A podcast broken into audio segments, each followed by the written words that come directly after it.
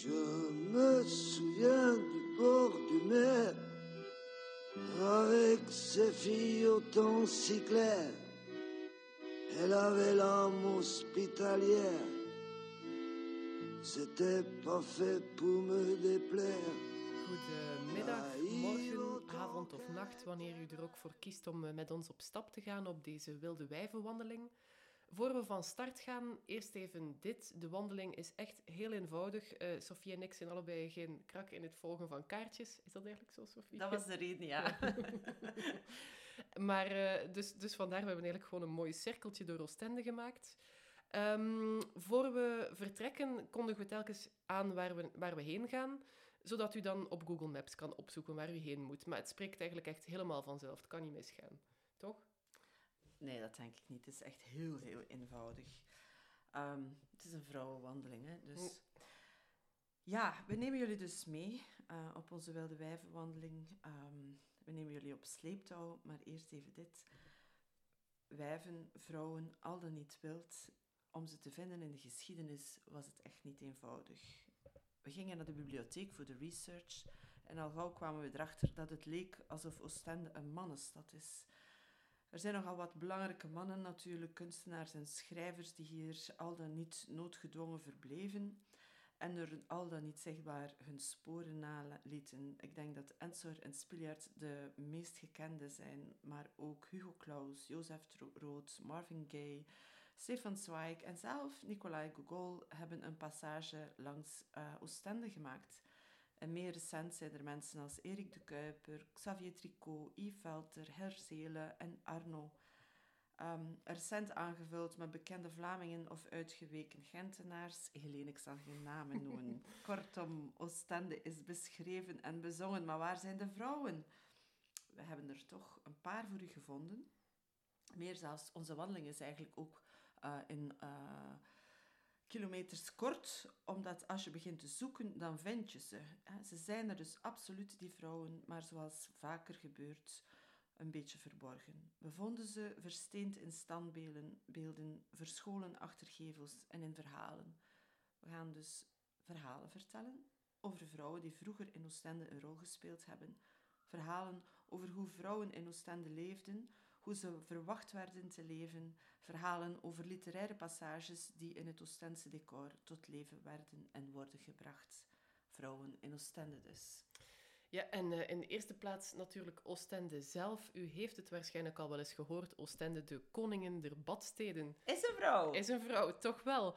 Uh, en hoe dat komt, uh, die naam komt... Door een man. Ja, door een man natuurlijk. en, en nogal een gecontesteerde man ook nog eens. U ziet hem hier achter u staan, op zijn paard prijkend. Ondanks alles is hij er nog, want er is veel te doen over standbeelden van Leopold II. Maar goed, deze staat er nog.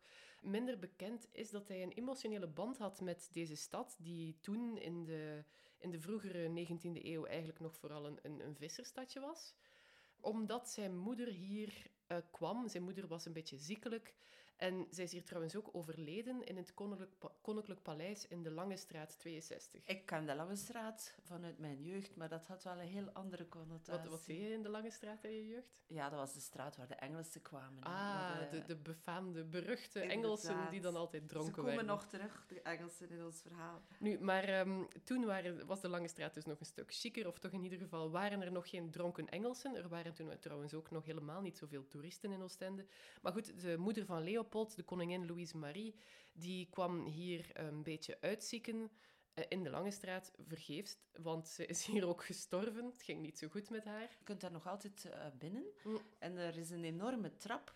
En uh, de dame in kwestie werd, al dus de verhalen, in een mand naar boven getakeld, omdat ze de trappen niet meer op kon. De, de, traplift was nog niet uitgevonden. Nee, duidelijk niet. Nu, Leopold heeft die Lange Straat 62 dan ook gekocht, um, want dat was eerder, werd dat gehuurd door de koninklijke familie. En um, hij heeft zelfs zijn moeder een kapel gegeven in de Sint-Petrus- en Pauluskerk. Mocht trouwens ook niet baten voor, voor de gezondheid, al dat bidden in die kap persoonlijke kapel. Ja, vandaar ook zijn verlangen om die stad uit te bouwen tot een plek waar, waar de bourgeoisie, waar de beaumonde zich een beetje thuis kon voelen. Um, en vandaar ook zijn vele werken die hij aan de stad heeft verricht. Uh, bijvoorbeeld um, de, de paardenstallen. De paardenstallen, inderdaad. Eh, en ook hier op de dijk, ehm, Ah, de, de boulevard, de ja. Gaanderijen, allemaal werk van Leopold. Met geld dat hij had verdiend uit zijn Congo-vrijstaat. We weten allemaal ondertussen, of we zouden dat toch moeten weten, hoe dat eraan toeging. Dat was een persoonlijk wingewest van Leopold. De Congolezen daar hadden absoluut geen rechten, werden volkomen uitgebuit voor de rubber en andere grondstoffen. Ironisch genoeg staan we hier aan dit standbeeld, waarbij eh, u ziet aan de linkerkant van het standbeeld, ziet u de dankbare Congolese bevolking zowaar. echt zo cynisch. Echt heel cynisch. Die moesten natuurlijk nergens dankbaar voor zijn, integendeel. Maar goed, Leopold hield ervan om zichzelf te verheerlijken. Eh, de hand van een van de Congolezen is afgehakt. Dat is in 2004 gebeurd, nadat uiteindelijk, rijkelijk laat, een documentaire verscheen over Congo-Vrijstaat en hoe gruwelijk het daar- daaraan toeging. Ehm, maar wat ons vooral interesseert, is vandaag is die vrouw die daarvoor staat. Ja, wie, wie is zij eigenlijk? Ja, de rechtse kant van het, ehm, van het eh, standbeeld is een, ook een beeldengroep. eh, hulde van de Oostendse vissersbevolking. Die moesten ook dankbaar zijn. ook dankbaar, maar de vrouw die ervoor staat lijkt me nu niet echt een vissersvrouw te zijn. Ik weet het niet, Helene. Ik heb gezocht. Ik heb werkelijk niets gevonden over wie die vrouw is. Dat is wel typisch. Hè. Er zijn wel meer standbeelden van vrouwen in Oostende waar, die er eigenlijk gewoon een beetje voor de sier zijn. Eh, ik denk dat Leopold gewoon graag wilde laten zien van kijk, iedereen werpt zich aan mijn voeten. Ja, en vooral de vrouwen. Ook, ja. Daar was hij wel nogal eh, bekend om, Ja. met al zijn maîtresses. Nu ja, in ieder geval, die, die, die verfraaiingswerken van Leopold hadden wel succes. Hè, want Oostende werd al gauw echt een toeristische trekpleister. ehm, zowel voor Belgen als voor Engelsen en Fransen en Duitsers. Ze kwamen hier allemaal op af. Als je de foto's eh, van de, uit die tijd eh, googelt, de dijk zag er ook wel effectief prachtig uit. Het was hier heel mooi. Maar Helaas niet veel van over. Nee, precies. Dat is dan een heel ander verhaal. Daar hebben vrouwen ook niet te veel te zeggen Nee, gehad, nee, nee, die nee, bouwwoede. We hadden het net over Leopold, die graag liet zien dat de vrouwen zich aan zijn voeten wierpen. De man had effectief wel veel maîtresses. Dat is geweten. En eh, Erna Schelstraten, die trouwens zelf ook in Oostende woonde, schreef een boek over de maîtresses van Leopold II. Koningin voor één dag is het getiteld. En zij vertelt ons over eh, een van die vrouwen die Leopold hier in Oostende aanhield. In 1900 is Leopold II 65 jaar en zij 17. Zij is Blanche de la Croix, ook wel Caroline genoemd. Ze is een courtisane, een luxe prostituee zeg maar, in Parijs. En bij zijn bezoek aan de wereldtentoonstelling ontmoet hij haar in het, een chic hotel op de Champs-Élysées waar zij haar beroep uitoefent. Voor haar moet het een soort sprookje geleken hebben. Die machtige, rijke koning die als een blok valt voor haar. Maar voor hem zal het allicht het zoveelste seksuele avontuurtje met een jong meisje geweest zijn. Het werd meer, veel meer. Hij noemde haar très belle. Zij mocht hem très vieux noemen. Dat was hij ook eigenlijk. Ze begonnen een relatie en al snel na de dood van zijn vrouw in 1902 begon hij haar overal publiekelijk op te voeren als zijn vrouw, tot grote woede van zijn dochters natuurlijk. Hij had drie wettige dochters. Blanche was mooi, slim, maar vooral ook vruchtbaar. In 1906 kreeg zij, toen 23, met hem, toen 72, een zoontje, Lucien. Een goed jaar later nog een zoontje, Philippe. Leopold was door het dolle heen. Hij begon hardop te dromen van een eigen zoon op de troon. Want zijn drie dochters mochten volgens de Salische wet die hier toen nog gold niet op de troon. En hij dacht dus, een van deze zonen kan mij opvolgen. Hij begon Blanche ook steeds meer schandelijk te verwennen, gaf haar kasteel in Frankrijk, gaf haar villa's. Onder andere hier in Oostende voor haar 25ste verjaardag kreeg ze twee villa's, die hij dan tot één villa samen liet verbouwen, en die waren gelegen op de hoek van de Parijsstraat en de Koningsstraat. Zoals jullie waarschijnlijk weten, stond hierboven, waar nu de drie gapers zijn, zoals men dat noemt, een uh, mooie villa van hem, een chalet noemde men het, omdat het vooral in hout gebouwd was. Prachtig paleis eigenlijk. En Leopold wilde heel graag van die villa, van zijn paleis, naar haar villa kunnen komen zonder pottenkijkers. En wat vond hij erop? Hij liet een tunnel graven. Hij liet een tunnel graven die hij vanuit de Venetiaanse gaanderijen onder de Parijsstraat door kon, eh, kon volgen om in haar villa terecht te komen zonder dat iemand daar weet van had. Die tunnel bestaat niet meer tussen haakjes. Uh, Albert I, de opvolger van Leopold, liet die slopen. En op de plaats van de villa staat nu ook een flatgebouw, dus veel kan je er niet meer van zien. Maar het heeft wel degelijk bestaan. In 1909 stierf Leopold. Heel belangrijk is dat hij besloot op zijn sterfbed met Blanche te trouwen. Het gebeurde, maar enkel voor de kerk en dat had helaas geen wettelijke gevolgen voor zijn zoontjes, dus geen van zijn twee zoontjes is koning geworden, zoals we weten. Blanche erfde een ontzaglijk fortuin. Hij had zijn drie dochters voor haar in haar voordeel onterfd, een groot deel onterfd. Die hebben daar nog een proces over gevoerd, trouwens, maar verloren. En Blanche leefde verder in Frankrijk. Tot 1948 leefde ze nog. Maar het sprookje liep niet, liep niet zo goed af, want ze was eigenlijk nooit volwassen geworden. Ze had te lang in die gouden kooi opgesloten gezeten. En ze verkwanselde haar fortuin grotendeels. Goed, u staat nog steeds bij de drie gapers, maar wandel gerust naar rechts, uh, voorbij Kaap. Dan komt u in de koninklijke gaanderijen, die we, zoals we net al zeiden, te danken hebben aan onze Leopold en het geld. En aan zijn geroofd geld. Precies. Uh, nu mag iedereen hier lopen. Ze zien er ook een beetje onderkomen uit. Ze worden al jaren gestut door, ja, wat is het, een soort constructie die een eigen leven is gaan leiden. Je kunt het misschien hedendaagse kunst Ik vind het wel iets hebben. Nu, naar het schijnt gaan ze wel gerenoveerd worden. Ja, zegt men al jaren. Enfin, uh, nu mogen, uh, mogen wij hier gewoon wandelen, maar ooit waren die gaanderijen niet toegankelijk voor het plebs. Toen hij ze liet bouwen tussen 1902 en 1906, had hij vooral een, een prettige plek voor zichzelf en zijn uh, hoge gasten in gedachten om een beetje te flaneren, om elkaar te ontmoeten, een praatje te slaan, een beetje te schuilen voor de zomerzon. Maar vooral ook niet nat worden. Ah, natuurlijk, we zijn in België. Ik zie dan meteen zo'n mooie zomer voor me. Ja, en, en tegen de wind is het ook wel, uh, is het ook wel een goede beschutting. Um, nu, je zou kunnen denken, die Leopold, wat een uh, rare architecturale grill had hij daar, helemaal voor zichzelf zo'n passage bouwen. Maar die dingen waren eigenlijk enorm in de mode in die tijd. Heel Parijs ligt vol met overdekte passages, waar je kon gaan winkelen en flaneren zonder nat te worden en uh, met een beetje geluk zonder lastiggevallen te worden door de plebeiers. Het waren de mannen vooral ja, gingen uh, ja, flaneren. De flaneur is vooral mannen. Ja, ja. daar zijn boeken vol over geschreven over de flaneur. Maar uh, inderdaad, voor vrouwen was het niet zo evident. Al was het maar omdat de kleren niet zo comfortabel waren om lang in te wandelen. Of omdat alleen hoeren lange wandelingen maakten door de stad. Of omdat je lastig gevallen zou worden. Maar de vrouwen die konden ook terecht in het Thermae Palace, Helene. Mm. Ja, we, als we langs de galerijen of door de galerijen wandelen, dan bots je bijna letterlijk op het Thermae Palace een hotel dat bekend staat om ja, de beroemdheden die hier uh, verbleven zijn in het verleden. Tina, Tina Turner, Bon Jovi. Hij gaf blijkbaar zelfs een exclusief pianoconcert. Dat moet wel aangenaam geweest zijn.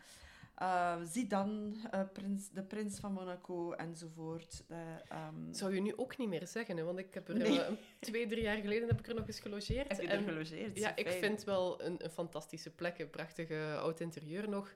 Maar de kamers hebben wel een beetje van een grandeur verloren. Hier en daar brokkelt al wat af. Toen, toen der tijd, Helene, was, het iets, eh, was er iets meer, laten we zeggen... Ja, het was een badenpaleis. Het omvatte van alles. Bijvoorbeeld een zwembad natuurlijk. Een warm waterbad. Uh, het caldarium genoemd. Mm. Een low waterbad. Het tepidarium genoemd. Een koudwaterbad. Het frigidarium. En Turkse baden. De gaanderijen waren er eerst en in uh, 1929 um, werden uh, drie Franse architecten aangesproken door uh, André Daniels, de Oostense architect. Um, vroeg die Franse hulp om zijn badenpaleis uh, te bouwen. Um, die Franse architecten, um, echt bekende namen, die uh, hadden onder andere uh, Petit Palais in Parijs mm. gebouwd. Dus ehm, er werd onmiddellijk hoog gegrepen. Um, nu, het is echt een prachtig gebouw geworden, hè, die een, uh, niet alleen een uh, schitterend badenbad was, badenpaleis was, maar ook architecturaal heel erg mooi. Wat moeten we ons daar nu eigenlijk bij voorstellen bij zo'n uh, badenkuren? ze waren rara vooral voor... Vrouwen die, die, die, die psychisch een beetje ongemak hadden? Uh, psychisch, maar dat werd dus niet... Uh, ja, psychisch ongemak, dat werd in de 19e eeuw nogal, uh, je zou kunnen zeggen, gecultiveerd of ja, opgeblazen zou je ook kunnen zeggen. Er waren ontzettend veel vrouwen die leden aan hysterie of chloroanemie. Dat waren trouwens de twee ziektes waar baden vooral duchtzaam voor waren. Een uitstapje naar vandaag. Toevallig, nog altijd zijn er heel veel meer vrouwen die antidepressiva slikken dan mannen. Dus er is wel een voorgeschiedenis van ja, die... de vraag is natuurlijk wat de reden is. Heeft dat te maken, want die Victoriaanse vrouwen bijvoorbeeld, die mochten niets. Mhm. En ja, werden die uh, ongelukkig omwille van de sociale uh, rol die ze vervulden, dan wel um, werden ze ziek. Uh, het, ja, echt ziek. Ja, dat is maar de vraag. Hè. Ik denk dat ze um, vooral in die tijd, hè, begin 19e eeuw werd er uh, van, ja, men dacht dat dus de opkomst van de industrialisering zeer slecht was voor de psyche van de vrouw. Namelijk, uh, ja, dus uh, als mensen, als vrouwen zich intellectueel begonnen te ontwikkelen, dat was problematisch, maar ook kleine in onnozele dingen zoals dat vrouwen niet meer moesten met de hand naaien, maar daar een machine voor een, ter beschikking hadden. dat was verdacht. Worden, ja, dat was zeker verdacht. Dus het waren eigenlijk vooral ook intellectuele vrouwen die gevoelig waren voor ziektes als hysterie of chloroanemie. En hop naar het bad dan. En dan het bad in, inderdaad. Hoe, hoe werkt dat, zo'n badenkuur? Helene, ik vind het bijzonder interessant eigenlijk. Alleen je moet er wel vroeg voor opstaan. Om zeven uur s, morgens. Tada, het eerste zeebad. Heel kort, enkele minuten. Ook in de winter, in de Ook in de winter, maar je moet je voorstellen, je bent nog maar pas uit... Ja, vreselijk. Uh, het bed. Je voelt je al niet lekker, maar geen probleem. Wanneer je niet kon lopen, werd ze met een badkoets naar de zee gebracht. En uh, twee helpers, hompel, de dompel. En je kon de ochtend fris en monter beginnen. Maar behalve die therapeutische onderdompeling kwamen er ook afwisselingen van, uh, afwisseling van warme en koude baden. Uh, er was licht, lucht en zandkuren. Uh, mijn hond doet dat ook, zich gewoon in zand rollen. Um, er waren ook de stort- en de regenbaden, um, een omwikkeling met uh, in zeewater gedrenkte doeken en zelfs werd er zeewater gedronken. Hm. Het doet mij denken aan uh, Youth van Sorrentino. Uh, ik weet niet of je die film hebt gezien, maar daar gaan er twee oude mannen naar zo'n gek oud kuuroord en worden die ook onderworpen aan allerlei uh, kuren. Het zijn mannen deze keer, maar er zitten ook veel vrouwen in het kuuroord en dan ontspinnen er zich allerlei intriges. Romances, zoals in de Toverberg ja, natuurlijk, dat kennen wij. Maar waar ik nog even wil over hebben, de douches. Hm. Um, de douches, dat was pas spectaculair. Je moet je daarbij geen douches voorstellen waarbij je onder een waterstraal gaat staan. Nee, de waterstraal werd gericht op je onderbuik en ook vaginaal werd je met water bewerkt. Deze zogenaamde waterbehandeling, uh, waarbij dus onder grote druk, waterdruk op de clitoris uh, tekeer gegaan werd, was in het midden van de 19e eeuw um, een, de remedie tegen hysterie. Vooral in heel Europa en in Amerika was dat de gangbare methode. En de achterliggende redenering was wellicht dat het een afkoelingsmethode uh, was die de vrouwen wel zou temperen. Mm -hmm. Maar ja, je kan je het wellicht al voorstellen, Helene, wat het effect was. Het is trouwens in diezelfde tijd dat de vibrator ook bedacht is, om precies dezelfde reden. Voilà. Ze waren echt op zoek naar... Inderdaad, want dat is het, hè. Uh, die bekkendouches, zo werden ze dan in een iets meer uh, medisch jargon genoemd. Daar werd over gezegd dat de mannen daar wel enigszins bang van waren.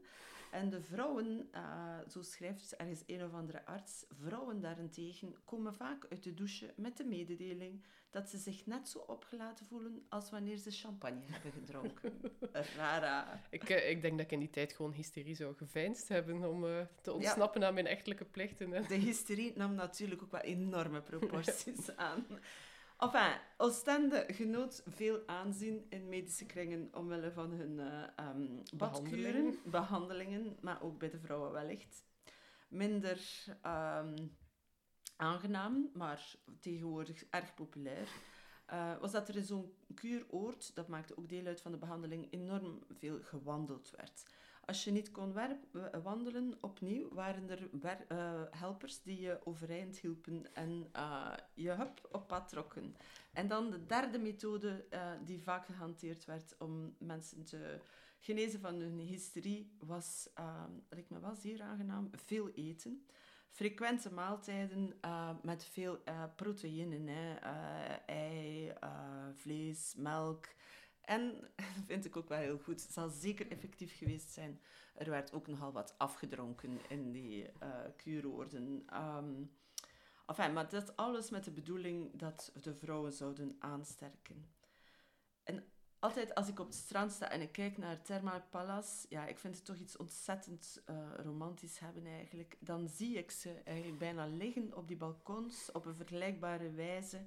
Die vrouwen, eh, als in de Toverberg van Thomas Mann, eh, de Oostense Madame Choursois, die daar eh, liggen te liggen, gezond, met zicht op zee, eten en eten en badderen en dompelen. En roddelen. En roddelen enzovoort. Eh, meestal duurde dat zo'n twaalf weken. En, maar het spreekt van zich, voor zich dat eh, alleen de goede patiënten daarvoor in aanmerking kwamen. Ja, al dat personeel, de dragers, Ja, de dompelaars, de masseurs, eh, de koks. Ja, en ja, die lichtkuren, er is hier op deze plaats, hè, dus als je nu even met je gezicht naar, de, eh, naar het strand kijkt, dan zie je hier vier rijen met de zogenaamde cabintjes Mhm. staan, hè, de strandkabintjes.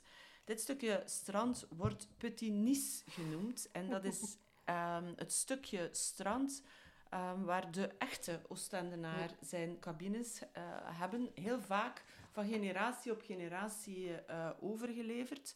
Eh, het zijn vaak familiehuisjes, die dus door de familie zelf gezet worden en onderhouden. En wat ik toch ook wel super grappig vind, de echte Oostense madammen, die ken ik al sinds mijn kindertijd, ehm, die zien er ehm, getaand Mhm. uit. Dus het, de sport is onderbruinst. En ehm, dan ga je, van als het mooi weer is, Ja, zelfs eh, als het nog maar eh, maart is en het is een mooie dag, liggen ze er al in badpak. Inderdaad, in- of in bikini en Mm. dan eh, bruine maar. Hè. En vroeger, toen ik als kind op het strand kwam, toen rook je gewoon de ambre solaire. Dat had een specifieke geur. Ehm, voilà, en daarmee zijn we natuurlijk eh, aanbeland bij eh, de zee en het zwemmen en het strand. ehm, waarvan dat, dat nu zo vanzelfsprekend is dat het voor iedereen toegankelijk is.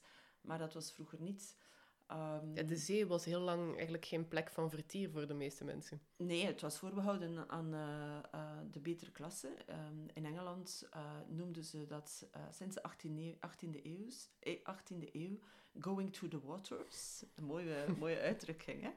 Ehm, en dat was eigenlijk het gebeuren, dat ze dus met die zogenaamde eh, houten cabintjes, hè, de bathing machines, eh, naar de zee gerold werden. Eh, de dames en de heren daalden dan af van hun trapje de zee in.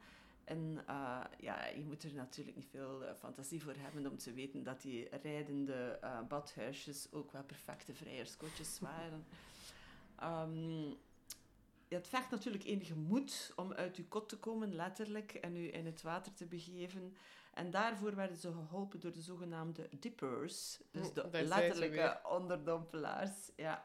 En eh, wat ik toch ook een eh, mooi detail vind, is dat die onderdompelaars ehm, kruiken water bij hadden, zoetwater, om de tere huid van de dames af te spoelen. Want ja, dat, Ja, zou, dat zou, het zou toch maar rimpels veroorzaken. Ja, inderdaad. Ehm, voilà, dus het lijkt, hè, dus eh, ja, 19e eeuw, dat was echt voor de, eh, de gegoede burgerij. En het is pas heel laat dat... En de, de, ja, de Oostense bevolking heeft altijd een heel dubbele verhouding gehad met al die excessen van die... eh, Rijdende badhuisjes rijdende en dompelaars. en dompelaars en al dat soort toestanden. Ehm, dus de Oostense bevolking zelf, in tegenstelling tot de, de mensen die nu zich laten bakken en braden in Petit Nice, die hebben altijd een dubbele verhouding eh, gehad tegenover toerisme. En uh, we luisteren nu even naar een fragmentje uit uh, De Platen, het tijdschrift van de Oostense heemkundige kring. We luisteren even naar Itver de la Parra, die de fragmenten voor ons zal voorlezen. Bovendien kende rond het midden der eeuw de maalboten een Europees succes en voerden uit alle hoeken van Europa duizenden reizigers naar en vanuit Engeland aan. Ontelbare Duitsers, Russen, Oostenrijkers transiteren door Oostende. De familie van de bekende Friedrich Engels, compagnon van Karl Marx, reist geregeld via Oostende naar Dover. Rond het midden der eeuw werd de haven tevens een bezienswaardigheid voor de talloze toeristen en badgasten die Oostende kwamen bezoeken en die van Oostende de Reine des Plages, de koningin der badsteden, maakte. Een nieuwe wilde meldde zich aan, die maar weinig te zien heeft met de vissersbevolking, doch alleen deze maar wat medelijdend gaat bekijken als een toeristische curiositeit. Intussen kon men op alle internationale menus sol vinden en huître. Het aanleggen van een net van spoorlijnen zou niet enkel het vreemdelingenverkeer doen toenemen, maar zou ook de havenbedrijvigheid begunstigen wegens het snelle vervoer naar en vanuit het binnenland. Nu we toch bij de zee staan, vroegen wij ons af, vrouwen die te water wilden gaan, wat droegen die eigenlijk? Want heel lang was het voor een vrouw echt not done om, om zelfs nog maar een enkel te laten zien. Um, dus ja, hoe gingen die dan in het water? Nu, Met kleren aan. Ja, ja, zoals de, de burkini tegenwoordig, maar dan in een minder synthetische stof. De eerste badpakken voor dames, um, halverwege de 19e eeuw, dat waren uh, enkel lange broeken. Dus ik weet niet of de enkel nu net wel of net niet bedekt was, maar wel, wel, wel, wel bedekt. Ja. ja, ik weet het, de enkel was... is er zwaar over ja. uw enkels laten zien. en daarbovenop droegen ze nog eens een tuniek met... Uh, lange mouwen. En als ze dan uit het water kwamen, ik weet niet hoe, in zo'n hokje gingen ze zich dan omkleden waarschijnlijk, dan trokken ze een strandpyjama aan. Ook een soort langmouwig uh, ding uit katoen of linnen. Uh, om het fatsoen te bewaren op het strand. Maar, dat is wel interessant, die strandpyjama's, um, ja, op den duur gingen mensen daar ook de dijk mee op of durfden ze alles te wandelen of ergens een thee te drinken met zo'n strandpyjama. Dus die waren eigenlijk de eerste broeken voor vrouwen waar ze zich publiekelijk mee, mee vertoonden. Um, nu, over die broek werd wel vaak ook nog een wijde rok gedragen, uh, dichtgeknoopte rijglaarsjes en zo, bloot helemaal uit de boze. Maar, je mocht ook niet bruinen, natuurlijk. Nee, nee, dat was voor het, het, het werkvolk op, op het land. Hè. Dus parasols en voor, om je gezicht te bedekken. En daar kwamen die gaanderijen ook weer goed van pas. De elementen waren gevaarlijk. nu, ik kan me wel voorstellen dat het behoorlijk moeilijk zwemmen was met al die, uh, met al die stof. Want dat is zo, in het zwemexamen is dat zo'n onderdeel, hè. zwemmen met kleren aan. Ik vond dat echt heel moeilijk, dat, uh, toen ik dat redder, doet je zinken.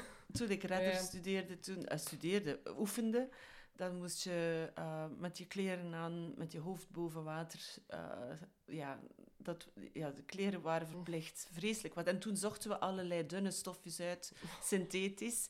Maar dat was niet het geval uh, in die tijd. Hè? Nee, het is dan ook niet gek dat het een zwemster was, een Australische zwemster. Annette Kellerman heette ze die, die het helemaal gehad had met al die stoffen. En die dacht, ik wil hier een beetje snelheid maken. En die bedacht een eendelig badpak met korte mouwen en korte broekspijpen. Waarmee ze wedstrijden zwom tegen mannen, waarschijnlijk omdat er niet zo heel veel vrouwelijke zwemsters waren.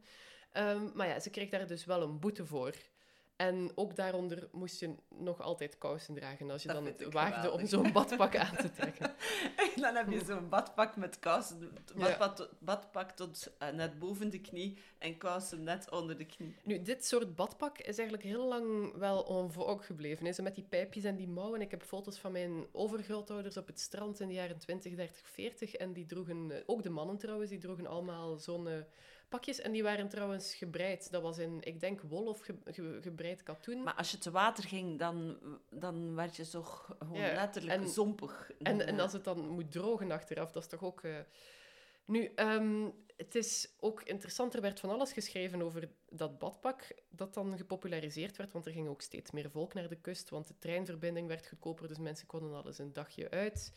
Um, en je had eigenlijk een soortgelijk probleem als nu in Knokken Weet je nog, toen de burgemeester zei dat hij die onterende mensen in een blote bovenlijf blijven niet in de winkelstraat wel? Juist, juist. Ja, soortgelijke problemen deden zich toen ook voor. In eh, Amy Groskamp ten Haven, auteur van het eh, etikettenboek Hoe hoort het eigenlijk?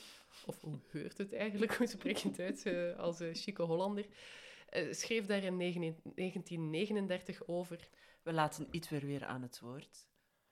Het strijdt tegen alle etiketten om zich in badkledij met of zonder lange pantalon buiten het strand te begeven.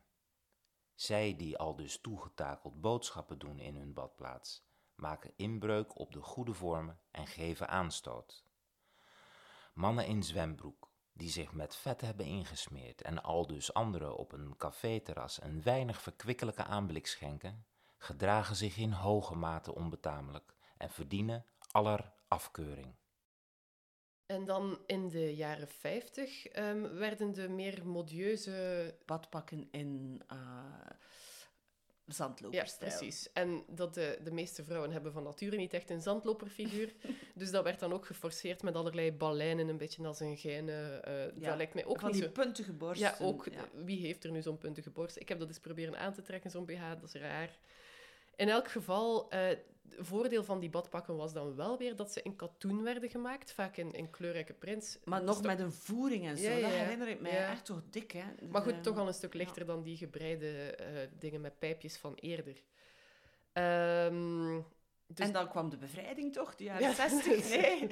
Nou, vroeger zelfs eigenlijk al. Want in het jaar 46 zijn er twee ontwerpers die ongeveer tegelijk hetzelfde geniale idee hebben gehad, dachten ze toch. De bikini. Ene Jacques Heim en ene Louis Réard bedachten het ongeveer tegelijkertijd van hey, we kunnen het ook in twee delen maken. En 46, toen was eh, Amerika bezig met eh, atoomproeven op de Atoll-eiland, op de, ehm, op de Bikini-atol. Ehm, en een van die ontwerpers dacht, ha, dat de, de- mijn, mijn badpak gaat ook inslaan als een bom. Ik noem het hier Nee, De nee, bikini. Nee, nee, Jawel, nee, jawel. Helene, dat is, dat Jawel. is echt wel ongelooflijk. Ja. En eh, waarom noemde hij niet... Ja, ze hadden het ook atomen kunnen noemen. Wel, die zo. andere ontwerper noemde het de atoom, maar Ah, kennelijk, ja, echt. kennelijk was bikini, bekte dat toch iets lekkerder.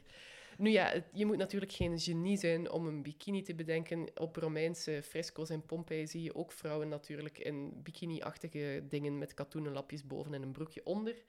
Ehm, nu, oorspronkelijk wilde in de jaren 46... Ja, dat was er wel, maar wie droeg dat dan? Je moest echt al een hoer zijn om zoiets aan te trekken. Eh, het Vaticaan heeft het dan ook ten strengste veroordeeld, waar ze zich mee bezighouden, daar in het Vaticaan. En, en pas populair werd de bikini ehm, nadat... Ja, Ja, Brigitte Bardot. ja, natuurlijk. In Dieu créa la femme ehm, in 1956, En eh, James Bond film Ja. Ursula Andres. die uit het water komt. Ja, met zo'n witte bikini met zo'n hespje. ja. Inderdaad. 62 is die film. En, en daarna eh, ja, werd het ja, ingeburgerd, zou ik misschien niet, niet zeggen. Ik kan me nog wel voorstellen dat in de vroege jaren 60 toch nog eh, een beetje gewaagd was hier. Maar geleidelijk aan zijn we dan toch de bikini steeds vaker op de stranden gaan zien. Eh, maar het kan natuurlijk nog altijd minder. Hè? Ah ja, monokini. Ah ja, precies. Ehm, nu, er was een Oostenrijks-Amerikaanse ontwerper die meerste een soort ja, ding had bedacht, een badpak zonder topje, met twee lintjes tussen de borsten die in de nek gestrikt li- om het broekje op te houden of zo. In elk geval, eh, die lintjes zijn dan ook gauw gesneuveld en dan En zag het je... broekje zakte dan toch ook? Ja, maar dat is Eh, wat dat bikinibroekjes altijd doen bij mij. Ik draag daarom ook liever badpakken. Enfin, dat is een praktische kwestie. Ehm, nu, die monokini in de jaren zeventig, ja, vooral in, in, in Duitsland en in Nederland ook wel, kwam er een cultuur van naaktstranden, maar het hoefde zelfs niet per se op um, freikorpercultuur, heet dat. In de DDR waren ze daar heel goed in. Er zijn zelfs foto's van Angela Merkel die naakt Echt? rondloopt tussen haar vriendinnen. Serieus? Ja, een jonge Angela Merkel. Maar ehm, dat waaide ook een beetje over naar hier. En op de stranden zag je dan, zelfs op de niet-naaktstranden, zag je steeds meer vrouwen die eh, ook zonnewertmode, waar, waar bruin in de 19e eeuw nog een teken van, eh, van, van boersheid was, was Ja. bruin geleidelijk aan in de mode Ja, geraakt. en want- streepjesloos. ja, ja, streepjesloos Ja. bruin, precies. Oh, ik, trouwens, ik kan me niet voorstellen dat ik met mijn tepels in de zon ga liggen. Verbranden die dan niet? Dat wil ik wel eens weten. Smeren, Helene, smeren. ja, maar je moet ook weten, toen ik eh, kind was, toen eh, smeerden wij ons, maar wel met ambre solaire. eh, Ja, om net te, te bakken Om en net te bakken, ja. En dus zonder bescherming. Maar Helene, je ziet dat eigenlijk niet meer. Is dat verboden nu, monokini? Je Dat- ziet dat echt nooit meer. Dat is niet verboden, ehm, maar ja, dat is een opmerking die ik wel al vaker heb gehoord. Mensen maken zich... Er was ook eens een artikel in Humo een enkele jaren geleden van waar is de monokini gebleven? Een beetje in paniek waren de journalisten. Waarom zien we geen tieten meer op het strand? Het is zo, je ziet het minder. Het is een tijdje in de jaren 80 en 90 heel evident geweest om, om zo te gaan zonnen. Maar nu echt niet meer. Daar worden dan allerlei redenen voor bedacht. Hè. Er wordt gezegd dat we preutser geworden zijn. Er wordt gezegd dat het komt door de alomtegenwoordigheid van camera's ehm, en, Ah, en de ja. smartphones, dat mensen dat niet meer durven. Ehm, zelf vind ik plausibel dat de schoonheidsidealen echt steeds maar strakker en dwingender worden. Dus als je niet de perfecte tieten hebt, schaam je je simpelweg te veel om ze te laten zien. Enfin, ehm, ja, het ding is, er niet meer, is niet meer echt in de mode, zeker niet bij, bij jonge vrouwen. Als ik het iemand zie doen, is het zo'n oude Oostense gebruinde een narkotje. inderdaad, inderdaad. Geweldig. Eh, tijd om nog een klein eh, beetje verder te stappen. We, zijn al een, eh, eh, al behoorlijk lang aan het praten. Er is nog niet veel gestapt. Nu ja, zo is dat. Hè. Als we beginnen te praten over vrouwen en over wilde wijven, dan zijn we vertrokken.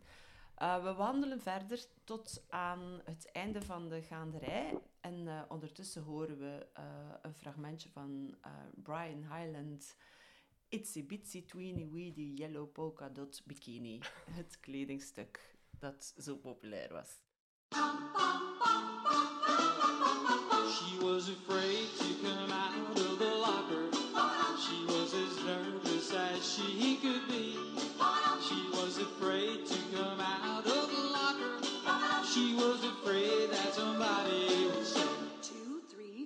Tell the people what she wore. It was an itsy bitsy teeny weeny yellow polka dot bikini that she wore for the first time today. An itsy bitsy teeny weeny yellow polka dot bikini. So in the locker she wanted to say. Two, three, four. Stick around, we'll tell you more. She was afraid to come out in the open. So a blanket around her she wore. She was afraid to come out in the open. And so she sat Nu we aan het einde van uh, de galerij zijn, uh, kijken we uit op de Wellington renbaan. Jelle van Riet heeft daar een heel mooi verhaal uh, over geschreven, gepubliceerd in de Dietse Warande Belco Belfort. En daar, daar, luisteren we nu even naar voor we de straat oversteken richting Sportstraat. De Wellington renbaan. Op dat punt op de dijk in Oostende kijk ik als vanzelf weg van de zee. Ik draai me een kwartslag en richt mijn blik landinwaarts. Als een marionet. Mijn lichaam herinnert zich meer dan ik. Daar, aan de andere kant van mijn inwendige kaleidoscoop, verrijst de Wellington-renbaan. Een mandala van herinneringen. Ik probeer ze te isoleren, maar dat lukt niet. Misschien kan de ene herinnering wel niet zonder de andere en krijgen ze pas in elkaars spiegelende reflecties hun betoverende patroon. Wel zie ik altijd meteen heel helder vader. In die jaren begon altijd alles bij vader. Ik sta naast hem in het hart van de paddock. Vader is de enige paardeneigenaar met het hemd altijd half in, half uit de broek. Hij praat met de trainer en de jockey, dat hoort zo voor een ren. Wat ze precies bespreken, weet ik niet. Hun Frans is niet het Frans dat ik op school leer. Ik herken de woorden cheval en donc, want een cheval is een paard alsof ik dat niet weet, en dus is vaders stopwoord in alle talen. Ook nu gaat het van donk al hier naar donk al daar, maar over wat er tussen die donks in met le cheval gebeurt, tast ik in het duister. Dankzij broer zie ik welk paard in de paddock van vader is. Hij houdt het vast bij het bit en loopt er ergerlijk trots rondjes mee. Hoewel zijn haar tot diep voor zijn ogen hangt, volgt hij toch mooi het pad. Broer is niet bang, zelfs niet wanneer het paard een Arabische volbloed onverwachts stijgert of de achterbenen uithaalt. Dan zegt hij ho, ho en speelt wat met de teugels tot het rustig voortstapt. Af en toe ook wrijft broer zachtjes over de neus van het paard. Hij roefelt door de manen, streelt de nek en de schoft en geeft het bemoedigende klopjes op de flank en de buik. Door mijn haar roefelt broer nooit. Hij streelt ook nooit eens mijn nek en bemoedigende klopjes op mijn buik geeft hij al helemaal niet. Antoine, stop uw hemd in uw broek.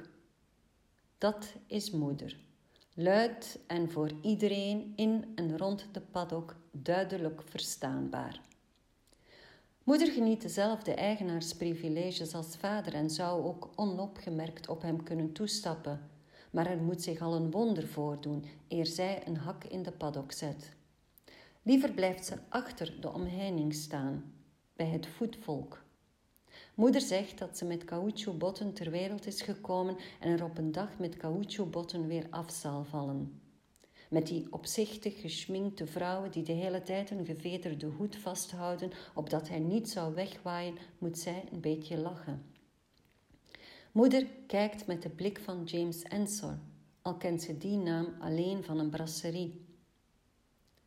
Vader werd blootsvoets geboren. Hij voelt zich overal thuis, zowel in de voor eigenaars gereserveerde champagnebar als in de publieke bagatelle. Vader is vader. Hij heeft het over paard X dat beter is op dirt en paard Y dat beter is op turf, over handicaps en derbies, over tiercés en quartés en altijd komen daar geweldig veel dussen en donks aan te pas. Ook gooit hij voortdurend zijn bles naar achteren en knippert hij vaak wild en ongecontroleerd met de ogen, alsof de ene na de andere straaljager overvliegt. Vader zegt dat hij begonnen is met dat knipperen toen men op school zijn linkshandigheid uit hem heeft willen slaan. Telkens als hij zijn vulpen in de linkerhand nam, werd hij venijnig op de hand getikt met een liniaal. Het is een wonder dat je moeder me heeft gewild, zegt hij, maar dat is niet waar. Ik wil later ook een tweehandige man die aldoor naar mij knipoogt en James Ensor kent. Van vader mag ik gokken. Hij legt het beginsel van winstkansen, noteringen en opbrengst uit. Maar ik zet mijn honderd van hem gekregen frank in op het mooiste paard. Favoriet of outsider, het zal me wat. Soms zet ik in op een paard van vader of een paard met nummer 7, want 7 is mijn geluksgetal. Ik win altijd. Wanneer ik per ongeluk ook nog eens met een outsider win en voor mijn 100 frank wel 2000 frank of meer terugkrijg van de boekmaker, via vaders handen, kinderen mogen niet gokken, maand vader me aan moeder te trakteren. Ik ben rijk en bied haar een koep aan in de champagnebar. Maar moeder drinkt liever een filterkoffie in de bagatelle, die ze uiteindelijk zelf afrekent. Mijn centen stopt ze achter een rits in haar portemonnee. Voor je spaarbokje. Wanneer een paard van vader de ren wint, mogen vader, moeder, broer en ik met het paard en de jockey op de foto. Broer houdt dan de teugels vast en verdwijnt even later met paard en al in de stallen om het van snuit tot staart en van maantop tot kroonrand te wassen, te kammen en te aaien. Omdat moeder vaders vreugde niet wil temperen, vergezelt ze hem nu toch naar de champagnebar. Maar kort, hé Antoine, want Francine wacht op me in de bagatelle. Is het geen Francine, dan wel een Juliette of een Lilian, in elk geval iemand zonder gevederde hoed. Vader vindt het best. Hij moet met trainer en jockey de ren nog nabespreken. Hij zegt dat het godverdomme nipt was, alleen zichtbaar op de fotofinish en ook dat Le Cheval en Donk. Op een keer raak ik zoek. Het is de Nacht van het Paard, een jaarlijks event met speciale koersen en steeplechases en vuurwerk toe. Je kunt over de koppen lopen en overal geld, opgestaan is plaats vergaan. Moeder staat niet op. Zij blijft de hele avond aan hetzelfde bagatelletafeltje zitten met Francine en Juliette en Lilian. Op de nacht van het paard mag niemand ontbreken. Vader fladdert zoals altijd tussen paddock, boekmakershal en tribune en kompas tegen het vuurwerktijdstip met broeren naar de bagatelle. Vaders en moeders hart slaan een tel over. Waar is de kleine? Vader dacht dat ik bij moeder was. Moeder wist wel zeker dat ik weer aan vader kleefde. En broeren, nou ja, die dacht niks. Moeder opent meteen een klopjacht en stuurt vader, broeren Francine, Juliette en Lilian uit over de hippodroom. Van de koninklijke tribune tot de parking, elke vierkante meter moet worden uitgekamd, want ik ben vermist. Gekidnapt, minstens. Ze, zeggen dat, ze zegt het niet hardop, maar moeder houdt rekening met de dood. Ze kan hem nog ruiken. Hij is tenslotte nog maar kort geleden over de hippodroom gevlogen om in vrije roofvogelval een kind uit het nest te kapen. De jongen speelde in de nok van de tribune, liep er een wedstrijdje tegen andere kinderen van links naar rechts, van glaspartij naar glaspartij. De jongen won, maar ging met juichende armen dwars door het glas heen. Bij zijn val fonkelden glasscherven rondom hem in de zon. Ik ben niet dood. Ik zit al uren opgestaan is plaats vergaan op dezelfde plek in de tribune. Ik kijk naar de paarden die stomend uit de startboxen vertrekken en wild over de piste razen als was het de Mongoolse steppe. Ik luister naar hun gebries en hun hoefgeroffel en op de tribune naar het aanzwellend geschreeuw van de toeschouwers wanneer de paarden de finish naderen. Ik kijk naar de winnende biljetten in de lucht, de verloren kansen in stukken gescheurd op de grond. Ik zit in het theater en vergeet de tijd tot ik plots luid en voor iedereen verstaanbaar mijn naam hoor omroepen. Op dat punt op de dijk in Oostende kijk ik landinwaarts, als vanzelf, want mijn lichaam weet dat we daar op de hippodroom nog intact waren. De dood heeft vader en moeder nog niet uit het nest geroofd. We rijden nog gewoon samen naar huis.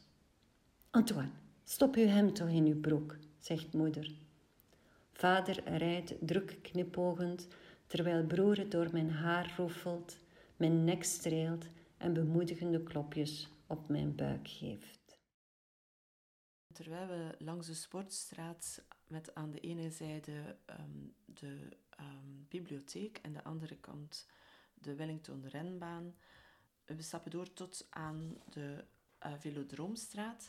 En ondertussen vertel ik jullie nog iets over paardrijden en vrouwen. En natuurlijk mijn favoriet, de hysterische vrouw. Paardrijden ehm, in de 19e eeuw werd ook aangeboden als een remedie tegen de hysterie. Oeh, tja, want ik dacht net dat paardrijden ook werd geassocieerd met het verliezen van je maagdelijkheid en dat het daarom een slecht ah, idee dat was. kan ook, maar dat, dat heeft een beetje hetzelfde effect, denk ik, Ah ja, dan als de vibrators, als de eh, ehm, bekkendouche. Ja. Ehm, maar bovendien dacht men dat, ehm, ja, dat is eigenlijk ook wel een mooie. Men heeft eigenlijk eh, sinds de middeleeuwen gedacht dat uh, hysterie voorkwam uit een soort demonische bezetenheid. En dat vrouwen gemakkelijker bezeten geraakten dan de mannen, want de vagina was immers, een open deur voor de demonen. En ja, als geneesmiddel werd dan aangeraden, ja, de badkuur die hebben we al gehad, te trouwen, gevingerd te worden door een vroedvrouw. Of, rara, je gelooft het of niet, eh, paardrijden. Het was blijkbaar ook erg efficiënt om de deur te dichten, zodat demonen niet meer binnen konden. Men noemde dat dan ook hypotherapie. Bestaat trouwens nog in vandaag, Mm. maar om andere redenen. Ja. Voor allerlei, vooral voor vrouwen, ah, psychische problemen en sociale ah, problematiekjes, zoals moeilijk kunnen ontspannen. Eh, het helpt ook om je bewust te worden eh, van je blokkages. Wel, je kent het wel. Ik ja. denk eerder, ik heb daar een eigen theorie over. Mag ik hem even eh, heel delen kort, met de luisteraar? heel kort. Ik weet niet wie ooit al eens paard gereden heeft, die, ehm, en, en niet van het paard gekukeld is, die, die weet dat dat een fijn gevoel is dat je zo'n groot dier kan controleren. En ik denk dat vrouwen vroeger heel vaak het gevoel hadden dat ze geen controle over hun leven hadden, omdat ze niets mochten. En als je op zo'n paard zit, dan heb je toch op zijn minst controle over een grote viervoeter die doet wat je zegt. Dat vind ik een fantastische mooie theorie. Eh Helene, zeker nu we ehm, aan de Belle Époque-wijk toegekomen zijn. Eh, die Belle Époque-wijk loopt tot aan Petit Paris. En als we nu dus de Wellingtonstraat inwandelen, dan zal je zien dat er ongelooflijk mooie huizen staan in eh, deze wijk. Petit Paris vind ik ook altijd zo grappig. Het is toch een beetje grootheidswaanzin. Ja, dat is fantastisch, hè? Petit Nice, Petit Paris. Ja. Ehm, de Belle Époque-wijk is eigenlijk ontstaan eh, ook op maat van dat mon- mondaine en e- elitaire toerisme. En het, en het Ehm, kielzog van Leopold II, die hier eh, allerlei verfraaiingen aanbracht. inderdaad. Maar ik kan het niet helpen, maar ik zie dan altijd zo van die, wat jij ook zegt over die vrouwen en paarden, eh, van die vrouwen die uh, in deze prachtige omgeving mochten rondlopen. We kruisen de Musseinstraat en eh, als je hier even in deze straat kijkt, dan zie je prachtige huizen en wat opvalt, allemaal vrouwennamen. Villa Esperance, Villa Alfonsina, Villa Violette, Villa Elise, Villa Yvonne, er zijn vele Villa Yvonnes, eh, Villa Blanche enzovoort. Heidi Leenaerts woont hier ergens in een van deze eh, villa's met vrouwennaam. En zij zal ons vanuit haar zeehuis een fragment voorlezen uit haar immense boekenkast, waar een speciaal vakje voor bestemd is voor ehm, Oostende en voor vrouwen. Benieuwd. Mijn ouders en ik kwamen trouw elke zomervakantie naar zee. Daarom lees ik zo graag in Erik de Kuipers Aan Zee of Met Zicht op Zee. Zijn zeeboeken hebben een prominente plaats in onze boekenkast, in het aparte Oostendevak.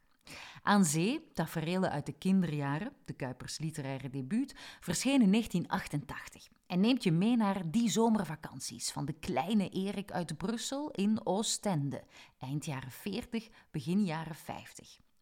De kleine Erik logeert met de hele familie, die uit Oostende komt, twee maanden lang in een klein appartement in het achterhuis van een herenhuis hartje Belle Époque-wijk, Petit Paris. De familie, dat zijn vooral vrouwen. De moeder van Erik, haar twee zussen en grootmoeder Bontje. Neven en nichten en dan zijn er nog de nonkels, mensen komen en gaan. Veel meer dan slapen en eten wordt daar niet gedaan. De kinderen spelen van 's morgens vroeg tot 's avonds laat op het strand. Je ziet, proeft en voelt de zee zo in die zalige zinnen van Erik de Kuiper. Je ziet alles door de ogen van de kleine, nieuwsgierige, naïeve, opmerkzame Erik. Hugo Claus vatte eigenlijk nog het mooist samen wat de Kuiper in zijn zeeboeken doet. Ook voor de ongelukkigen, die het Oostende van die tijd niet gekend hebben, moet aan zee een ervaring zijn die beklijft. Erik de Kuiper beschrijft als een vertederde antropoloog de rites waarmee een zekere samenleving aan de Belgische kust aaneenhangt en waarin een verwonderd kind verstrikt zit. Aan zee. Net buiten het station verwelkomde de frisse lucht hen en sloeg de zon hen met gulden gloed in het gelaat. Het was een getreun en gesjouw om buiten het station te komen. De vakantiegangers stroomden over het smalle houten bruggetje. Door de kieren kon je het water zien, de stad in, de trams op, met veel geroep, geschreeuw en geween van moeders en vaders die hun kroost bijeen probeerden te houden. Bij hen was er nooit een spoor van chaos en paniek. Zijn moeder, zo klein als ze was, baande zich een weg door de menigte recht op haar doel af. De tram en dan naar Petit Paris. Vooraf had ze gecontroleerd of alle hun koffers en tassen bij zich hadden. Zelf droeg ze niets, omdat ze een zwakke rug had, maar zorgde voor een of andere kleuter die het niet moest wagen zeurderig te worden. Het appartement dat ze in een achterhuis van een herenhuis aan Petit Paris betrokken, bestond uit het allernoodzakelijkste. In deze volgorde: een ruim toilet, een mooie grote keuken en een overloop met een trap die naar drie ruime slaapkamers leidde. Op elke etage één. De onderste werd opgevuld door wat ze de kinders noemden. En dat waren, behalve hijzelf, neefjes, nichtjes en aanverwant of uitbesteed kleutervolk. Zijn moeder, die weduwe was, sliep bij de kinders in een kinderbedje. De kinders werden in en naast de bedden opgestapeld. Ochtends bleek er altijd wel eentje tijdens de nacht onder een bed te zijn gerold. De passage over de cabines. Dan kwam de paasvakantie in zicht. Doch niemand vond zijn draai. Dat was de schuld van Pasen zelf. In tegenstelling tot kerstmis had Pasen geen vaste dag. Nu eens viel Pasen vroeg, dan weer laat. Pasen had een aanloop nodig van 40 dagen, de vaste, om zich te kunnen ankeren in de seizoenwisseling. Pasen viel en viel vroeg of laat. Pasen viel nooit goed. Na de dienst van paaszaterdag op school, die eindeloos lang duurde, zette men hem op de trein naar Oostende. Wanneer hij daar aankwam, zat Bontje soms al te tronen in haar cabine alsof ze er de hele winter had doorgebracht en op hem zat te wachten. Dan was het een late Pasen. Bij een vroege Pasen stonden de cabines nog niet op het strand. Elk jaar werden de plekken aan het strand waar de cabines stonden bij opbod voor de hele zomer verpacht. Boontje wenste daar persoonlijk bij te zijn en slaagde er steeds in haar plaats vlak voor het Hotel des Termes te bemachtigen. Meer naar het zuiden toe was het niet echt Oostende meer. Meer naar het noorden was het te druk. Daarbij de klok of voor het paard stonden de cabines drie, vier of vijf rijen dik. Behalve de eerste rij had niemand uitzicht op zee. Eenmaal stond hun cabine, om welke reden dan ook, niet op de gebruikelijke plaats, maar waren ze verbannen naar voor het paard. Daar stonden ze een hele zomer lang op de derde rij. Er was geen uitzicht op zee. Er lag slechts een klein onogelijk stukje strand tussen hun cabine en de rij voor hen. Ze keken uit op de groen-wit gestreepte cabines, op de zeilen van vreemden of misschien wel van Ripje Rapje. Het plebs dat daar in grote getalen op de meer populaire plekken aanwezig was. Dagjes mensen. Het jaar daarop stonden ze weer op hun eigen plek. Iedereen was opgelucht. Het leven kon verder gaan. Meestal waren met Pasen de mooie dagen nog niet aangebroken en vond men het nog niet veilig om de cabines op het strand te zetten. Boontje wachtte geduldig haar tijd af en zocht voor zichzelf elders een voorlopige vaste standplaats. Dat viel niet mee. Nooit vond ze definitief een plek waar ze rustig in de zon kon zitten. Zonder cabine ging ze niet op het strand zitten. Dat kon gewoonweg niet. Wat gezocht werd was een hoekje in de buurt van de zeedijk dat beschut was tegen de wind, veel zon kreeg, waar banken stonden en waar hij, een kind, kon spelen. Eén jaar was dat de inham achter het Hotel des Termes, daar waar zomers het concours Piek plaatsvond. Je was goed beschut tegen de wind, maar je keek het land in. De zee lag achter je en dat was doodzonde. Vaker echter was het een plaats op de zeedijk zelf vlak voor het casino. Petit Nice noemde men die bocht, omdat het de meest beschutte en zonnige plek van de zeedijk was. Men beweerde zelfs van heel Oostende. Naast zijn Petit Paris bezat Oostende dus ook zijn Petit Nice. Men bleef bescheiden. Het was er altijd erg vol, meestal met oudere mensen. Je moest er vroeg bij zijn, wilde je een plek op een van de banken bemachtigen. Vervolgens moest je ervoor zorgen dat die de hele dag door je aanwezigheid voor je gereserveerd bleef. Er waren wel betaalde strandfauteuils, maar daar werd enkel door vreemden en Engelsen gebruik van gemaakt. Bij uitzondering bleven ze ook wel eens op het pleintje vlak voor hun huis. Het klimaat was daar echter reeds te landelijk. De zeelucht ontbrak er. Het rook er naar roze, gras en paardenstront. De koninklijke stallen in pseudo-Russische stijl lagen vlakbij. Ook het stadspark, waar de bloemenklok was, werd een jaartje uitgeprobeerd, maar weer opgegeven voor Petit Nice. Terwijl we verder stappen door de Vilodroomstraat op weg naar de Koninginnenstraat, um, iedere Oostendenaar noemt dat Avenue de la. Het is niet duidelijk over welke koningin het gaat, waarschijnlijk over de koningin als algemene aanduider. De uh, badsteden der badsteden. Ja, oh ja, waarschijnlijk. Is het misschien uh, het moment om even iets te vertellen over een 19e-eeuwse vrouw die ook hier is aangemeerd in Oostende, namelijk Charlotte Bronte. Ook een nogal getormenteerde ziel. Ik weet niet of ze ooit een diagnose heeft gekregen, maar um, ze had geen makkelijk leven. Maar er zijn wel heel veel mooie boeken uit voortgekomen. Nu, in 1842 um, reisde ze op een stoomschip van Londen naar Oostende op weg naar Brussel, waar ze op pensionaat zou gaan. En ze is hier even uh, aangemeerd, maar dat was 1842. Dat was dus voor Leopold de verfraaiingswerken aan de stad um, uitvoerde. En in Villette heeft ze later ook nog Oostende um, opgevoerd.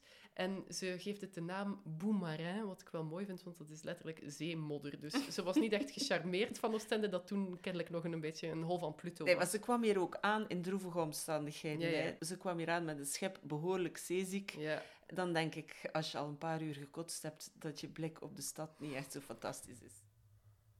As dark night drew on, the sea roughened. Larger waves swayed strong against the vessel side. It was strange to reflect that blackness and water were around us, and to feel the ship ploughing straight on her pathless way, despite noise, billow, and rising gale. Articles of furniture began to fall about, and it became needful to lash them to their places. The passengers grew sicker than ever. Miss Fanshawe declared, with groans, that she must die. Not just yet, honey, said the stewardess. We're just in port. Accordingly, in another quarter of an hour, a calm fell upon us all, and about midnight the voyage ended. When I went on deck, the cold air and the black squall of the night seemed to rebuke me for my presumption in being where I was. The lights of the foreign seaport town, glimmering round the foreign harbor, met me like unnumbered, threatening eyes. Nu gaan we verder naar de Eufrosina Bernhardstraat. Ik zou zeggen, haal Google Maps erbij of vraag een voorbijganger eh, hoe je best wandelt. Het is heel eenvoudig. Ja, je loopt uh, alsmaar rechtdoor eigenlijk. het En je ziet eh, eh, enkele heel mooie huizen. Vooral La Tourette op Hm. je rechterkant.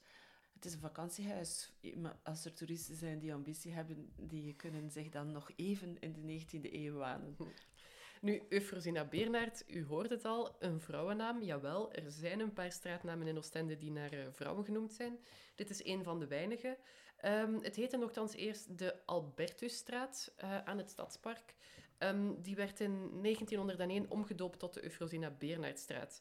Ehm, rond diezelfde tijd ongeveer kreeg het stadsbestuur een brief van August Bernhard. Hij was minister van Staat, Nobelprijswinnaar en toevallig de broer van Eufrosina. Oh la la. Ja, dus Dat verklaart veel ja, natuurlijk. heel toevallig wilde hij de stad ehm, schilderijen en tekeningen van zijn zus schenken, want Eufrosina schilderde. Het ruikt een beetje naar vriendjespolitiek, de manier waarop ze haar straatnaam heeft gekregen. Maar goed, dat zullen we nooit weten. Kreeg ze die naam omdat ze zo goed kon schilderen of omdat haar broer een lange arm had? Nu ja, Eu- Eufrosina en, en haar broer Augustus werden geboren in de Albertusstraat. ehm, later dus de Eufrosina Bernhardstraat, hier ergens. In een chique Oostense familie. Meisjes uit haar milieu kregen een goede opleiding. Een beetje literatuur, een beetje kantklossen, een beetje godsdienstles, een beetje muziek, zo wat pingelen op de piano, je kent het wel, een beetje aquarellen. Niet om zelf iemand te worden of om zelf ambities na te leven, maar vooral om een goede echtgenote te worden die goed gasten kan ontvangen. En een goede moeder die de kinderen goed kan opvoeden. Nu, Eufrosina kreeg dus tekenles, zoals gebruikelijk was. Die kreeg ze van haar moeder, die zelf een getalenteerde tekenares was, want die kwam uit de familie van artiesten. En, en Eufrosina was daar kennelijk erg goed in. Ze, ze verhuisde vaak, want haar vader was een hoge ambtenaar die regelmatig werd overgeplaatst in heel België, naar Namen, naar Dinant, naar Leuven. En, en dat tekenen was voor haar wel een beetje een houvast. Op elke nieuwe plek ging het eh, jonge meisje de, de streek verkennen en maakte ze daar tekeningen van. De rivieren, de bomen, de velden, dramatische zonsondergangen, onweersluchten. Allemaal in de traditie van het romantische landschap. Je kent het wel, het, eh, het dramatische landschap met een duistere wolkenpartij die het gemoed van de mens moet weerspiegelen. Bruinig toch, naar mijn gevoel. Dat bruinige is vaak omdat de vernis slecht is opgedroogd en een soort eh, gelig patina heeft gegeven. Maar ja, ze zijn wel vaak... Het zijn natuurlijk Belgische landschappen, dus heel zonnig zijn ze niet. Was voor de klimaatverandering Ja. natuurlijk. Nu, Eufrosina kon dus al behoorlijk goed tekenen. En in 1849 werd haar vader weer eens overgeplaatst naar Brussel deze keer. Dat vond ze wel prettig, die grootstad. Want daar vond ze aansluiting bij een eh, artistiek milieu in, in, in België. Ze mocht natuurlijk ehm, in, 1849, in 1849 mocht ze nog geen lid worden van een of andere kunstacademie of hoger onderwijs. Helemaal niet. Dat was helemaal niet toegestaan voor vrouwen. Pas in 1889, 40 jaar later, zouden de kunstacademies vrouwen toelaten. Maar er waren wel genoeg artiesten te vinden die het leuk vonden, of die misschien gewoon geld nodig hadden en die het eh, jonge meisje verder wilden opleiden. Nu, tot 1860 was het voor Eufrosina gewoon een leuk, een leuk tijdverdrijf, dat schilderen. Eh, maar daarna ging het, werd het zowaar een carrière. Ze ging de meer realistische toer op met haar landschappen. En plots kreeg ze positieve kritieken op de salons. En werd ze een beetje ehm, à la mode in de rijke milieus. Die kochten graag werk van haar om een, om een burgerhuizen mee op te leuken. Nou ja, op te leuken zelfs, is misschien niet het woord, maar het was in de mode, dat soort landschappen. Zelfs koningin Maria Hendrika kocht, eh, kocht een werk van haar, De Schelde te Bornem. En ze won ook een prijs in het buitenland, dus ze was in haar tijd wel echt gerespecteerd in het eh, artistieke milieu. Wat uitzonderlijk was voor een meisje uit de hoge burgerij. Nu, Eufrosina zou nooit trouwen en ook geen kinderen krijgen, dus, dat, dus misschien gaf dat, Dat haar natuurlijk. tijd en ruimte om zich op die carrière eh, te, te, te, te storten. Nu, in 1881 werd ze zelfs ridder in de Leopoldsorde. Voor een vrouw in die tijd is het echt ongehoord, hoor. Ehm, voor haar artistieke verdiensten. De eerste vrouwelijke kunstenaar ooit die, die, die dat lintje kreeg. Eh, maar tja, er waren altijd toch die roddels. Hè, van, ja, is Eufrosina nu echt zo goed? Of komt het doordat die broer zo'n hoge pief is en die vader? Ah, Ja. Zelfs op het huldebanket dat de koning had georganiseerd voor haar, eh, Leopold II toevallig, die werd er nog geroddeld dat, eh, dat ze het misschien niet aan zichzelf te danken had.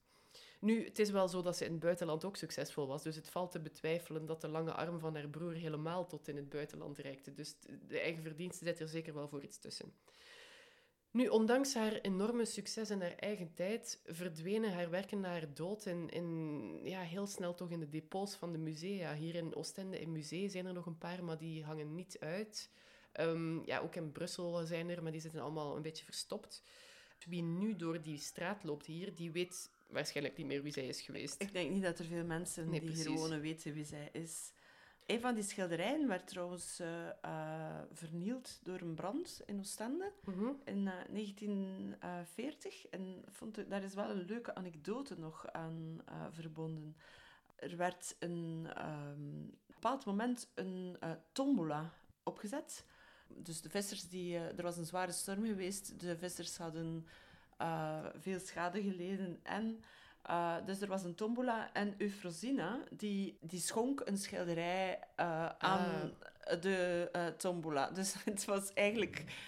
ja, dat was haar naaste liefde dus. Mm. En ze stak er een briefje bij. Dat is wel super tof. We gaan even luisteren. Monsieur, c'est de tout cœur que je prends part à votre bonne œuvre en vous envoyant une esquisse pour votre loterie et je vous souhaite tout le succès possible. Vous avez tant de misère à soulager. Recevez, monsieur Efrosine Bernard. Goed, dan eh, stappen we verder eh, richting, of u bent misschien al aan het park, voor u het park induikt, eh, op de hoek van de Eufrosine Bernhardstraat ehm, en de Spiljaardstraat, ziet u een huisje met een torentje en aan het raam hangt er een tekst van Eva de Grote, ehm, auteur van Na de Regen en pas verschenen roman Grond. En zij leest voor ons het portret voor van een vrouw en u kunt het meelezen op het raam of u kunt er gewoon naar luisteren. Het huis aan zee wordt gegezeld door regen. De wind stoot de beuken ritmisch tegen de ramen aan. Het glas in het raamkozijn kraakt een beetje. De kamer is ruim en sober ingericht. De wind neemt af en onthult een landschap van geluid. Een heuse vertelling is het. Tonen die stijgen en dalen.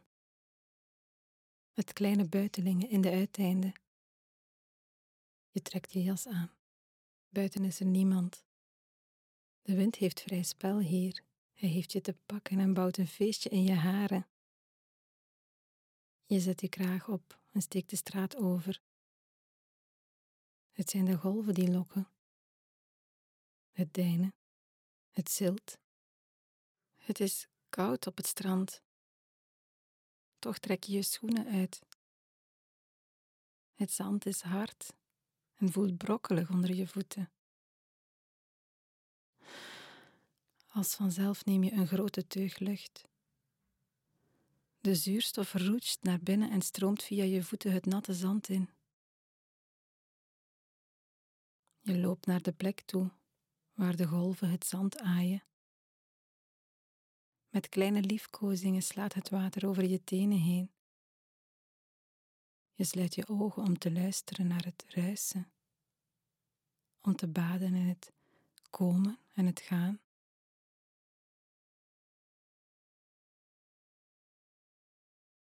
Je voeten zijn verzonken in het zuigende zand bij de waterlijn. Op je gezicht voel je de stralen van de zon. Het licht wordt feller. Je knijpt je ogen tot spleetjes. Je kleren voelen warm en zwaar. Je trekt ze uit. Elke porie van je huid verwelkomt de kracht van de zon. Je loopt naar het mulle zand toe en laat je luidop lachend achterover vallen. Je armen en benen bewegen als een trekpop, op en neer, op en neer. Daar lig je, stil in de warmte van het zand. Je volledige lichaam wordt gedragen. Je hielen maken een afdruk. Je kuiten, je billen, je handen, je schouderbladen, de achterkant van je hoofd. Je mond is lichtjes open. Even was je weggedommeld, je komt overeind. Je haren zitten vol met zand, je lichaam is bedekt met zout en stof. De golven van de zee glinsteren in de blakende zon. Ze roepen je, niet woest, maar zachtjes. Je waat door het ondiepe water. Zilte golfjes klotsen om je knieën heen. Je aarzelt om je te laten omhullen door het stuwen en het deinen, het trekken en het duwen, het donker van de zee. De onderstroom duwt je heupen heen en weer. Het doet je benen zwikken.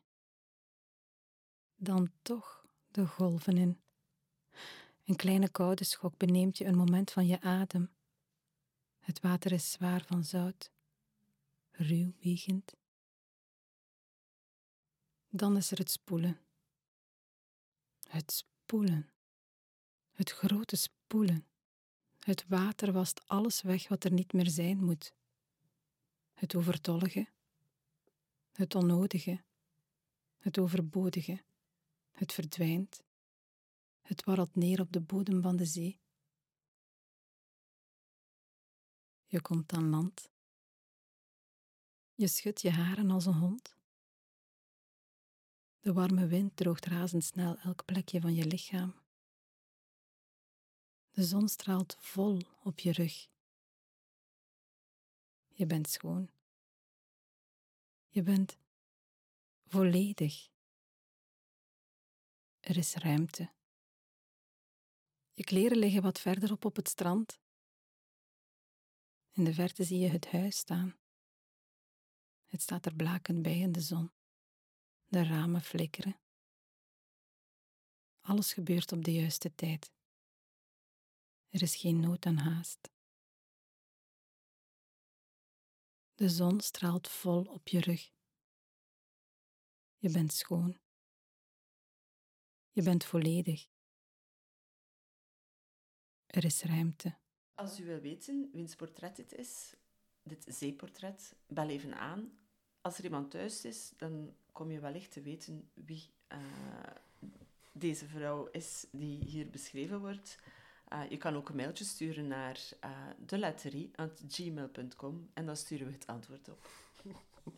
Is er een prijs aan verbonden? Hebben Nee, we een tombola? prijs, Geen je. Oh ja, ja, een schilderij van de Frosine. Uit het depot van het museum.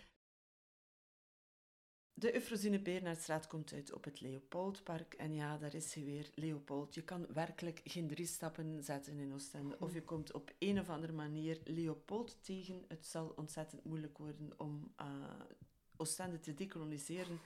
Uh, er is al heel veel te doen geweest over uh, zijn standbeeld aan de Drie Gapers. Um, ja, maar dat is nog maar het begin. hè. Het is park het zo. Er is ook ehm, overal zijn er, ehm, daar bij de Koninklijke Villa, zijn er overal initialen van Leopold in de muur verwerkt. En, ja, eh, overal, overal. Maar dit park, het Leopoldpark, ademt eigenlijk ook nog de tijd van toen. Het is eigenlijk een zeer ouderwets park.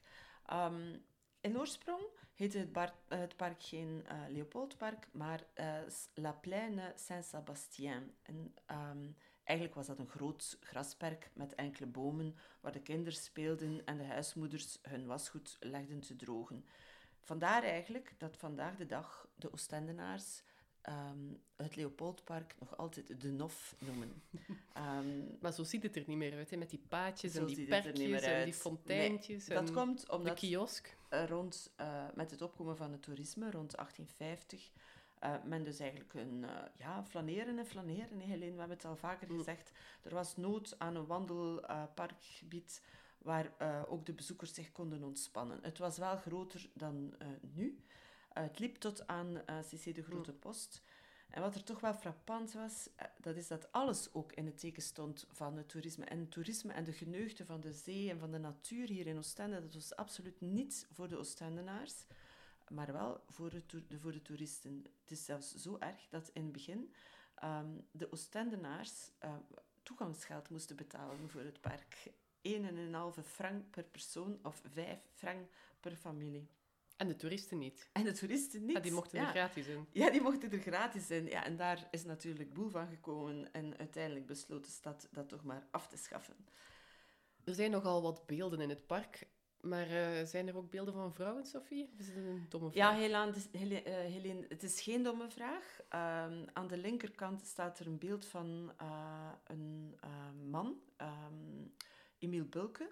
En het, er is een bronzen beeld en dat heet De Wind. En dat heet uit 1933. En dat is een ode aan zijn overleden dochtertje Dina. Dat is een beeld van een vrouw dus. Ehm, maar het zijn vooral in dit park, zoals overal, zijn vrouwen eh, niet gepersonaliseerd, maar de mannen wel. We vinden hier een ehm, Justin Malfait, een vice-gouverneur-generaal in eh, Congo. Oei, oei, oei, Ja, inderdaad. Maar ik stel voor dat we nu even niet langs de kiosk gaan, maar we nemen de rechterkant. En dan vinden we in het water ehm, een prachtig werk van ehm, Leo Kopers. Verdronken vrouwen. Ik vind het een prachtig werk. De vier vrouwen ze symboliseren de rechtspraak, de welsprekendheid, rechtvaardigheid en de geschiedenis.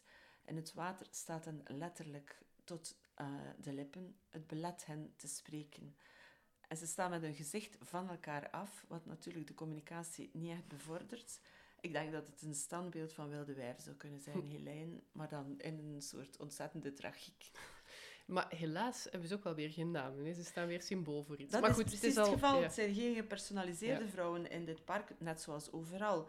Ah, Ehm, maar er is wel ehm, een, ergens nog een leeuwin. Die is natuurlijk ook niet Ja, die gepersonaliseerd. komen straks. Maar zeker we, nemen nu eerst de bocht Oh, ja. eh, langs ehm, het water. En links van jou zie je dan een, eh het is ook zo'n klassieker, een zeemeermin. Oh, ja. Eh, Katrien van Dalen heeft in eh, haar boek, dat vorig jaar uitkwam, Vergeten Verhalen van de Zee, een prachtig hoofdstuk geschreven over zeemeerminnen. En eigenlijk komt het erop neer dat de zeemeerminnen de ondergang van de steden voorspelden. Dus verhalen, de mythe van de verhalen van de zeemeerminnen eh, wijzen meestal daarin. Dus misschien is dat toch ergens verborgen female power die die zeemeerminnen hebben. Of toch in, in ieder geval angst voor het vrouwelijke. Inderdaad. Maar ze zijn dan ook wel gedisnificeerd hè, in de 20e Ah, nee, eeuw. dat willen we, daar willen we niet aan denken. nee, we lopen verder. En als we eh, over het water heen kijken, dan zien we, waar Helene net over aan, eh, op wees, de gouden eh leeuwin ehm, met haar welp uit 1888. En dat is de oudste sculptuur in dit park. En ze rust op, de enige stukje, op het enige stukje stadswal dat nog overgebleven is. En eigenlijk verbeeldt ze eens te meer een vrouwelijk eh, thema, de veilige moederschoot. En nochtans, als je kijkt naar hoe het er bij de leeuwen aan toe gaat, zijn het de vrouwtjes die de troep bewaken en de vrouwtjes die op jacht gaan en liggen de mannetjes eigenlijk meestal te slapen tot het paarseizoen is. Maar dat is ook nog altijd zo, toch? Dat de vrouwen de meeste dingen doen in het huishouden en de mannen minder. Ja, het klinkt nu alsof we ongelofelijke seksisten zijn, Nee, maar nee, daar, zijn zijn, zo niet. Nee, nee, nee, nee. daar zijn cijfers over. De, de huishoudelijke verdeling is, eh, is helemaal niet gelijk. Maar goed, we gaan, we gaan die daar niet niet over beginnen, nee. we verlaten het park en eh, we steken de straat over. En hier op deze middenberm ligt Ja, de dikke, dikke Mathilde, Mathilde. Ja. zijnde de zee. Onder die naam kent niemand haar. hè. De Oostendenaars hebben haar meteen Dikke Mathilde genoemd. En eh, Dikke Mathilde is het altijd gebleven. Ehm, er was, zoals je ziet, is Dikke Mathilde ook tamelijk wulps en welgevormd. Ehm, Schoon madame. Ja, ja, ik vind zeker eh, mooie vormen. Eh, maar er kwam meteen discussie over haar toen ze... Ze is in 1955 is in Oostende geplaatst, maar nog op een andere plek. Ze is al nogal eens van plaats veranderd. En nogal eens eh, aan en uitgekleed. Het is Ja. eigenlijk een beetje onze Oostense manneke Pies. Ja, enfin, er kwam een discussie, want er werd gezegd dat ze loerdige vormen had. Whatever that may be. Ik denk gewoon onzedelijke, viezige vormen, omdat ze een beetje wulps is. Maar Eh, vooral uit katholieke hoek, hè? Ja, ja, katholieke studenten, dat zou je nu niet verwachten van jonge mensen. Maar goed, die schilderden een broekje rond haar eh, edele delen.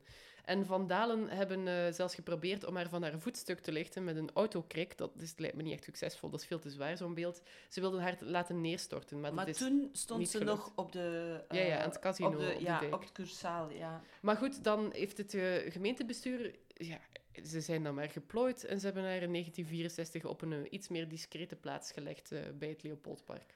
Alhoewel, als je de stad komt binnengereden... Ja, dan zie je haar wel liggen Ja, dan natuurlijk. ligt ze toch wel echt te glorificeren. Hm. Ah, dikke Mathilde zijnde de zee. Ik vraag mij af of ze ook zoveel eh, controverse zou eh, gewekt hebben als ze iets minder volumineus was geweest. Want vrouwenlijven zijn vaak problematisch of zorgen voor ophef, maar volumineuze vrouwenlijven nog meer. Nu, Gewoon- niet iedereen was tegen dikke Mathilde. Hugo Claus heeft daar nog bezongen in een gedicht uit de jaren 60. We luisteren even naar Edwer. Eens lag zij, gewend naar de zee, gereed met haar goddelijke reet. Jeugdgroeperingen gooiden stenen naar haar ogen of verfden haar buik in de menie. Heren der gemeente interpelleerden, want zij beefde omdat haar en hun schaamte zichtbaar was.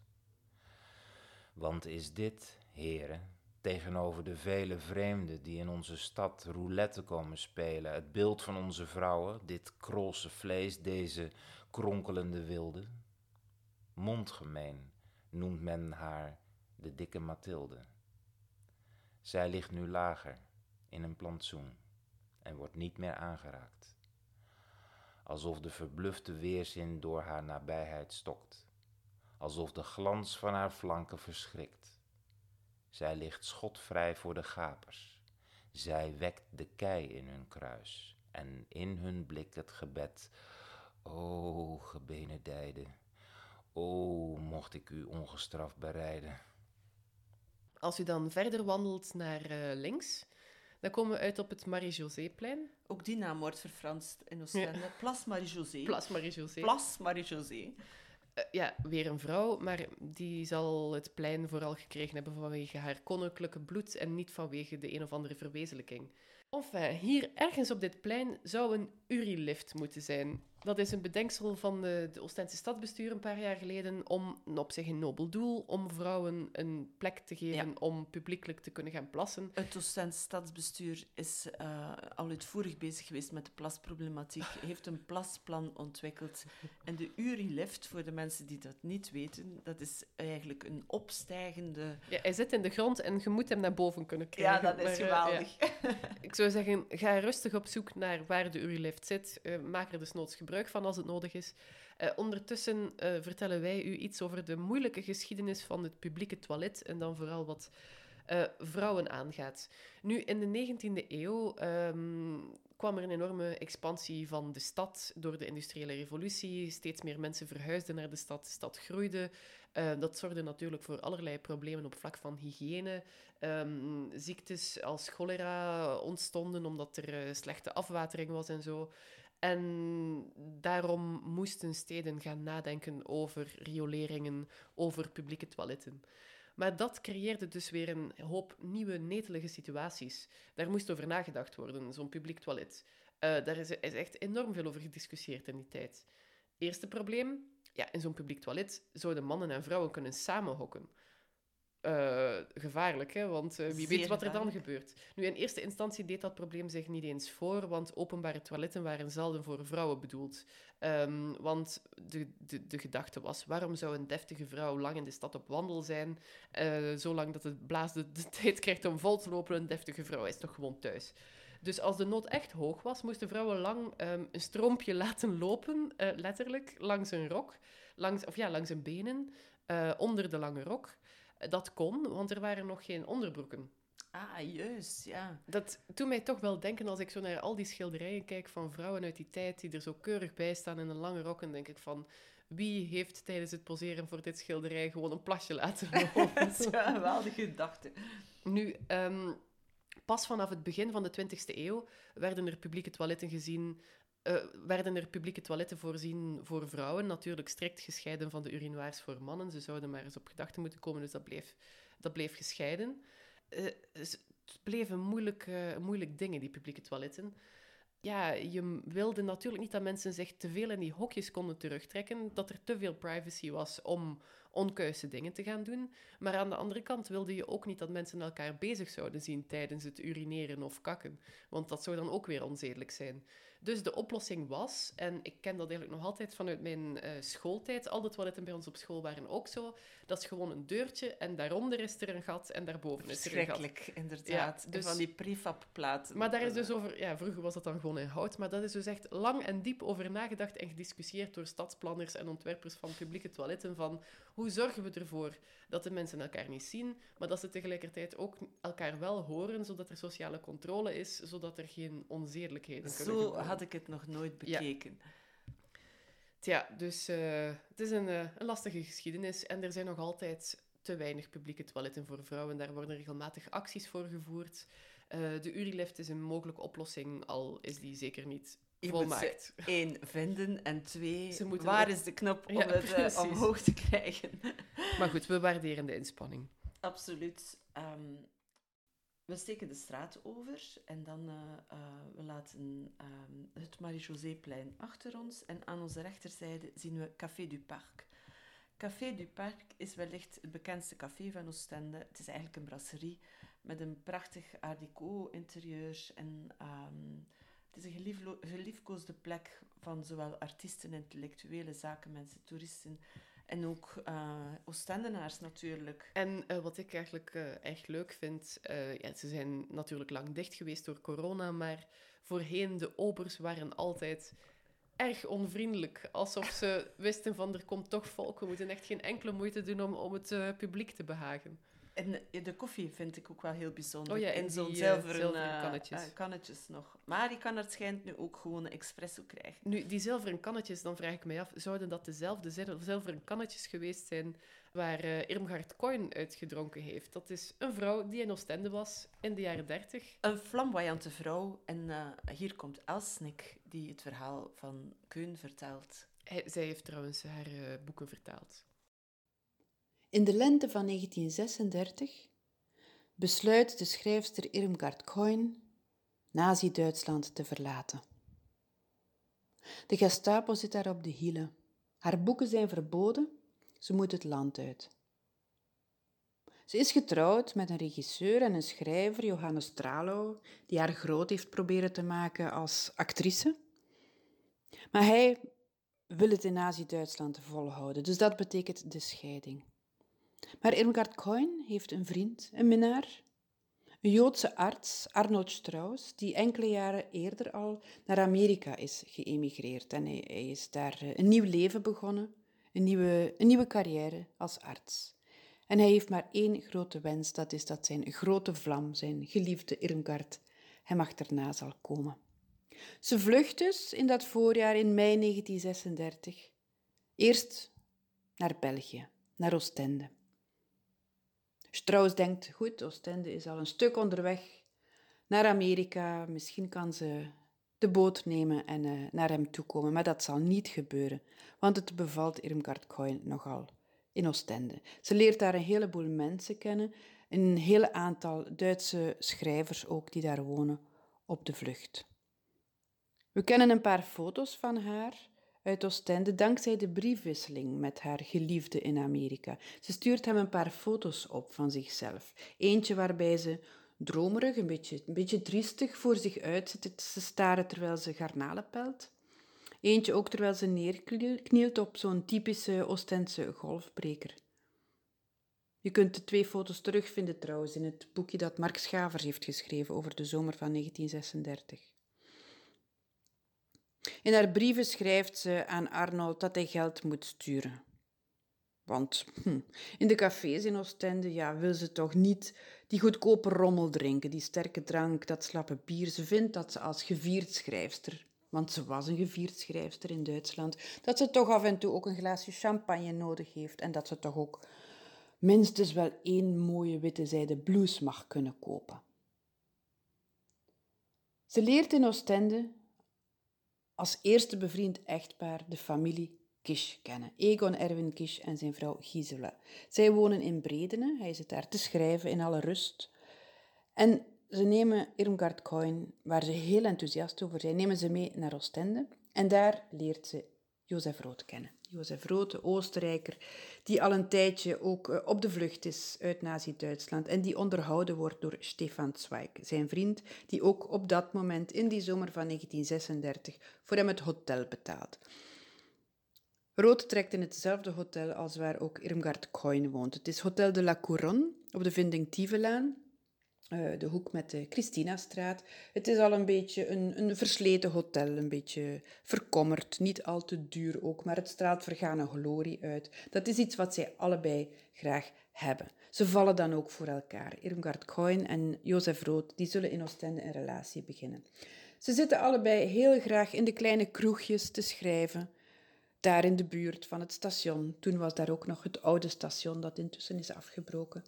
In de buurt ja, van, van, van de vissersbootjes ook die daar aanmeren. Op dat moment, in 1936, ligt daar trouwens ook um, de Mercator aangemeerd voor de toeristen. Het was, het, was een, het was een warme zomer, er kwamen ook veel toeristen.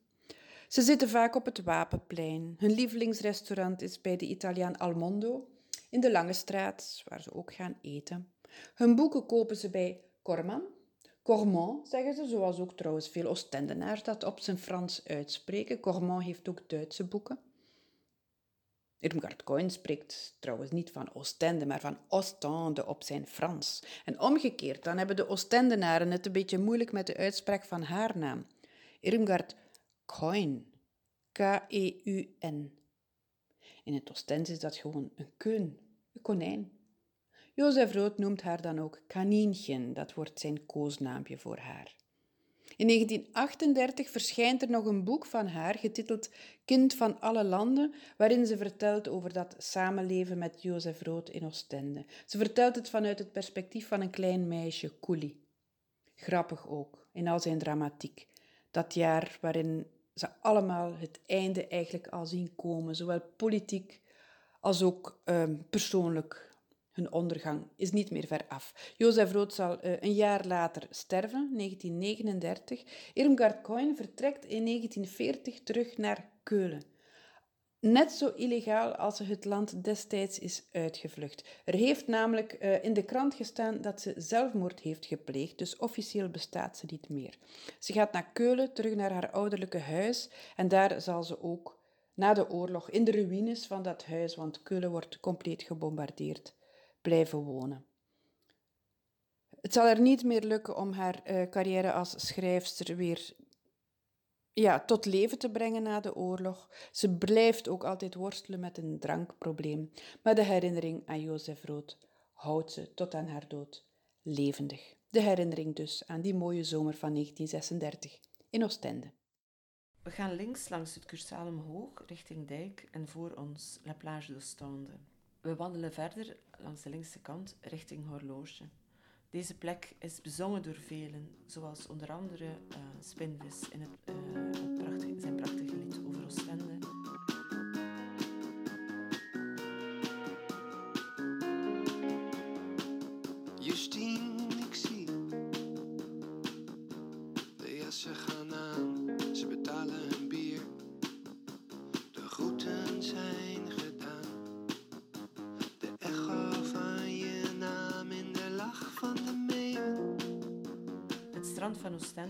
Figureert in romans zoals dat van Charlotte Harpen, La Plage d'Ostende, over een verboden liefde tussen Leopold Wisbeck, Leopold, het zal geen toeval zijn, en Emilienne Balthus, wellicht ook geen toevallig gekozen naam, waar het bevroren strand van Oostende in 1962 het decor is.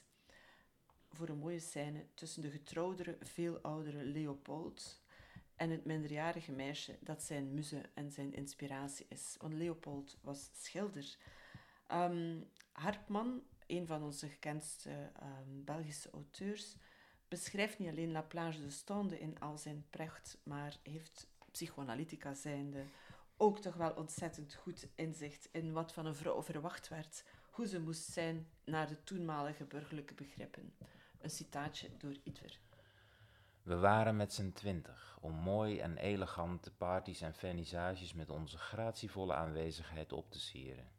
Wij moesten het moderne leventje aantrekkelijk maken. Onze mannen werkten hard om met ons te kunnen pronken tegenover de andere echtgenoten, zodat iedereen kon benijden wat hem niet toebehoorde. We waren, zoals het hoorde, net voldoende gecultiveerd, hadden esprit, maar niet te veel, zodat we niet afschrikten. En we hielden er zelfs, binnen de grenzen van de ons toegemeten domeinen, persoonlijke meningen op na. U denkt misschien, Hartman, dat is nogal conformerend. Maar nee, ook Hartman was op haar manier een wild wijf. Want aan het einde van het verhaal ontdoet Emilie, eh, eh, zich van eh, het maîtresseschap. En ze zegt, geen enkele man kan mij bezitten. Zelfs al lig ik met mijn armen gekruist en mijn benen wijd op- open. En jawel, ze trouwt met een andere. Ah, Eén en- één. en dat voor de tweede feministische golf. Ja, inderdaad. Eh, we zijn ondertussen aan de horloge gekomen, zoals het dan heet, de hoek van de Kemmelbergstraat. En misschien ziet u ze wel rijden, ergens iemand op de befaamde billenkar. Die dingen zijn hier eigenlijk al heel lang. Iedereen die zijn jeugd hier heeft doorgebracht, zal, zal wel herinneringen hebben aan de billenkar. Eh, de eerste dateren zo van de jaren 30. Ehm, ja, en heel de generaties toeristen hebben er dus pret aan beleefd. Quiz-tax wordt het ook genoemd. Of Ja, in het? Frans, maar dat wordt dan K-W-I-S-T-A-X geschre- TAX geschreven. Ja, maar ze werden zo populair bij de Engelsen vooral, dat ze gokaars zijn gaan eh, genoemd worden. Dat is wel heel erg jammer. Ja, dat is, eh, wij, wij, wij pleiten voor de terugkeer van de quiztax. Nu, de geschiedenis van die bellekar is, is, is ook wel interessant. Ehm, we hadden het eerder al, toen we aan het strand stonden eerst, over die badkarretjes waar de rijke dames dan inreden om zich in de zee te laten rijden en hen door een dompelaars in het water te laten onderdompelen.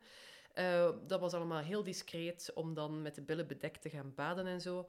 Nu, later dan het gewone volk, in de jaren dertig, eh, was het al meer te doen om als gewone arbeider of bediende eens een dagje naar de kust te komen.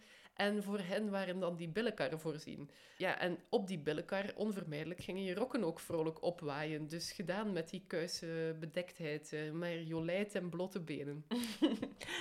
Ehm, ja, als je eh, even de straat inkijkt, dan zie je daar inderdaad een billenkarrenverhuurder. een van de bekendste van eh, deze stad. Maar er is ook een droevige anekdote ehm, te vertellen over deze Kemmelbergstraat. Ehm, toen nog Rue de Vienne genoemd, op het moment dat eh, architect IJsselink, de architect van de Grote Post, er zelfmoord pleegde op 6 december 1953. Het was een heel mistige dag en ja, hij zou naar het schijnt ook depressief geworden zijn van die misthoorn die hij constant maar hoorde. Het ging al niet goed met de man, hij had financiële moeilijkheden. Het was een heel ambitieus architect, hij had quasi communistische of toch wel erg socialistische ideeën en kwam vaak in botsing met zijn opdrachtgevers. De Grote Post is eigenlijk zijn enige echt grote publieke gebouw geworden. Als je het ziet, vind ik het jammer dat hij er niet meer heeft gemaakt. Nu, doorgaans wordt zijn zelfmoord eh, zo verklaard. Hè. De man had financiële problemen, de man had een ongelukkig huwelijk, leefde gescheiden van zijn vrouw, de man eh, was niet, raakte in ruzie met zijn opdrachtgevers, et cetera. Maar het is wel heel toevallig dat hij ehm, zichzelf van het leven heeft beroofd. Twee maanden nadat zijn nieuwe vriendin en zijn grote liefde, Georgette Trois, was overleden aan een, aan een kanker. Een, ze was al een tijdje ziek, dus het zat er al aan te komen. Ehm, dus je kan gaan denken dat ehm, de dood van die vrouw daar toch ook wel doorslaggevend in is geweest. Nu, heel lang werd Georgette Trois in dit verhaal niet genoemd. Het is pas sinds Kamer in Oostende, boek van Koen Peters met de, met de medewerking van Koen Broeke en het boek van Charlotte van den Broek, Waagstukken over architecten die zelfmoord plegen. Nu, zij besteden wel aandacht aan het aandeel van, eh, van Georgette in het leven van, van IJsselink. En heel mooi ook vind ik dat je eh, op het kerkhof van Oostende het graf van Georgette Trois kan eh, terugvinden. En dat grafsteen, de zerk, is gemaakt door eh IJsselink. Dus, ehm, en daar heeft hij opgezet, dat vind ik echt zo schrijnend, architect IJsselink op het graf. Zoals je dus eh, van die bordjes hebt van architecten op eh Een postuum een stempel op zijn lief Ja, ja, dus postuum een stempel op zijn lief, dat weet ik niet. Of hij heeft een huis voor haar gebouwd. Oh ja, Zo kan je het ook dat is zien. romantisch. Dat is weer romantischer, ja. Ehm, nog een bekende flamboyante Oostense vrouw die we niet mogen vergeten en die je vaak op de zeedijk ziet met haar hond eh, flaneren, is Charlotte Mutsaert. Mutsaert woont gedeeltelijk in Oostende en gedeeltelijk in Amsterdam. En Oostende figureert in haar romans ehm, zoals Koetsier Herfst in Hotel Polin speelt zich af in Hotel eh, Polaris. En Zeepijn, dat eh, voor een groot stuk over Oostende gaat. Ze schrijft schitterend over de typische Oostense eh vrouwendingen, de kappers. En een van haar bevindingen is dat er in Oostende ontzettend veel kappers zijn. Dat is ongelooflijk, met typische Oostense vrouwenkapsels, geblondeerd, bruin vel. Dat past goed natuurlijk. Er zijn ook ongelooflijk veel pruikenwinkels. Je weet nu natuurlijk niet hoeveel van die geblondeerde kapsels pruiken zijn en hoeveel er kapsels zijn. En hondenkapsalons, die zijn er ook bij overvloed. Heel veel honden ook hier. Heel veel honden, maar ook heel veel hondenkapsalons waar eh, mensen blijkbaar wekelijks met hun hond naar de kapper gaan. Ehm, Als alles mislukt in mijn leven, word ik hondenkapper. dat is wel fantastisch, inderdaad. Nu, die kapperobsessie, eh, of die kapselobsessie van de Oostense dames, is natuurlijk gedeeltelijk te verklaren door de wind. Want je geeft daar geld aan en je bent om de hoek en het is alweer naar de vaantjes. maar nog een mooie vind ik dat ehm Mutsaerts suggereert dat het beter zou zijn om ehm, in het wapenschild van Oostende het stadswapen met een kam en een borstel te voorzien in plaats van eh, die sleutels met baarden die er nu op staan. Goed idee. Over dit stukje zeedijk, waar we nu nog steeds, over, eh, eh, waar we nu nog steeds stappen, schrijft Mutsaert in haar rom- roman Zeepijn eh, iets heel mooi. Ze heeft het over de menus die hier overal zichtbaar zijn, eh, meestal ingekaderd. En ze zegt dat eh, in de kerstperiode, ehm, dan zie je ook kerstbomen staan op eh, de zeedijk. Vind ik ook iets zo heel eigenaardig. En die kerstmenus, zo zegt Mutsaert, die lezen als een soort poëzie. hartverwarmende apero Noël als eerlijke eetlustverwekker en, en, en, en knettergekke juffertjes van kreeft in romig nat en, en, en, en dampende rendiersoep onder hoedje van bladerdeeg en, en, en, en ossehaas uit de kerststal met kasteelaardappelen en, en, en, en de bloemenhoed van Ensor in ijs met passievruchten en, en, en, en Braziliaanse schone in haar bruin gevolg en, en, en, en hulde van de chef aan de kerstkrib en, en, en, en vrede in de maag met om middernacht kerstboompluk. Wandel verder tot aan de Parijsstraat. Weer zo'n grootheidswaanzin van Oostende, want deze straat lijkt helemaal niet op Parijs.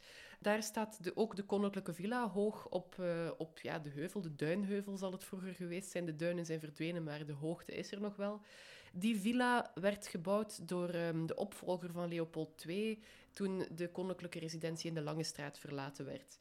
Nu, als u links afslaat en via een parking van de Koninklijke Villa naar boven loopt, het is een beetje, het is een beetje zoeken. Ja, er zijn open meerdere is, wegen. is er een eh, heel mooi pad dat je kan volgen langs de eh, Japanse tuinen. Ja, maar, dat is heel vaak dicht. Dat is vaak dicht, dus het is veiliger om de parking te nemen, want die villa is nu een soort instituut. Maar langs de parking kan je via trapjes omhoog en dan kom je ehm, in de tuin van de villa terecht. Nou ja, tuin het is eigenlijk meer een grasveld, maar enfin, daar heb je dus, als je aan de rand van die tuin komt, echt een prachtig zicht op de zee en op het strand. Een uitzicht dat je doet begrijpen waarom Oostende de Rijn des Plages is. Weet je wat hier mooi is? Kijk, we lopen. We laten al die voetafdrukken achter op het zand en ze blijven daar. Nauwkeurig, geordend. Maar morgen sta je op, je zult naar dit enorme strand kijken en er zal niets overblijven. Geen voetafdruk, geen teken, niets. De zee wrijft dingen uit tijdens de nacht. Het getij verbergt zich. Het is alsof er hier nooit iemand voorbij is gegaan. Het is alsof we nooit hebben bestaan. Als er in de wereld een plek is waar je jezelf niets kunt voorstellen, is die plek hier. Het is land niet meer, het is nog geen zee. Het is geen schijnvertoning, het is geen echt leven. Het is tijd. Tijd die verstrijkt. Dat is alles.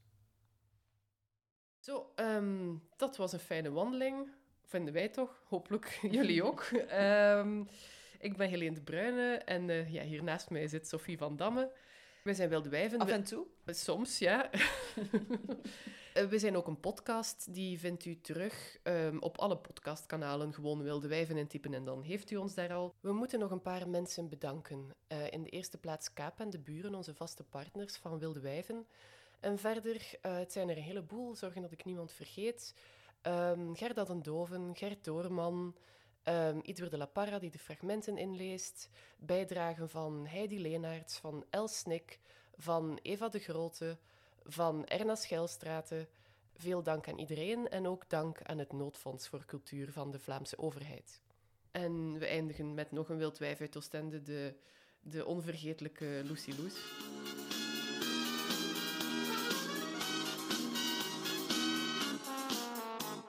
Gie, zie misère, kapitein.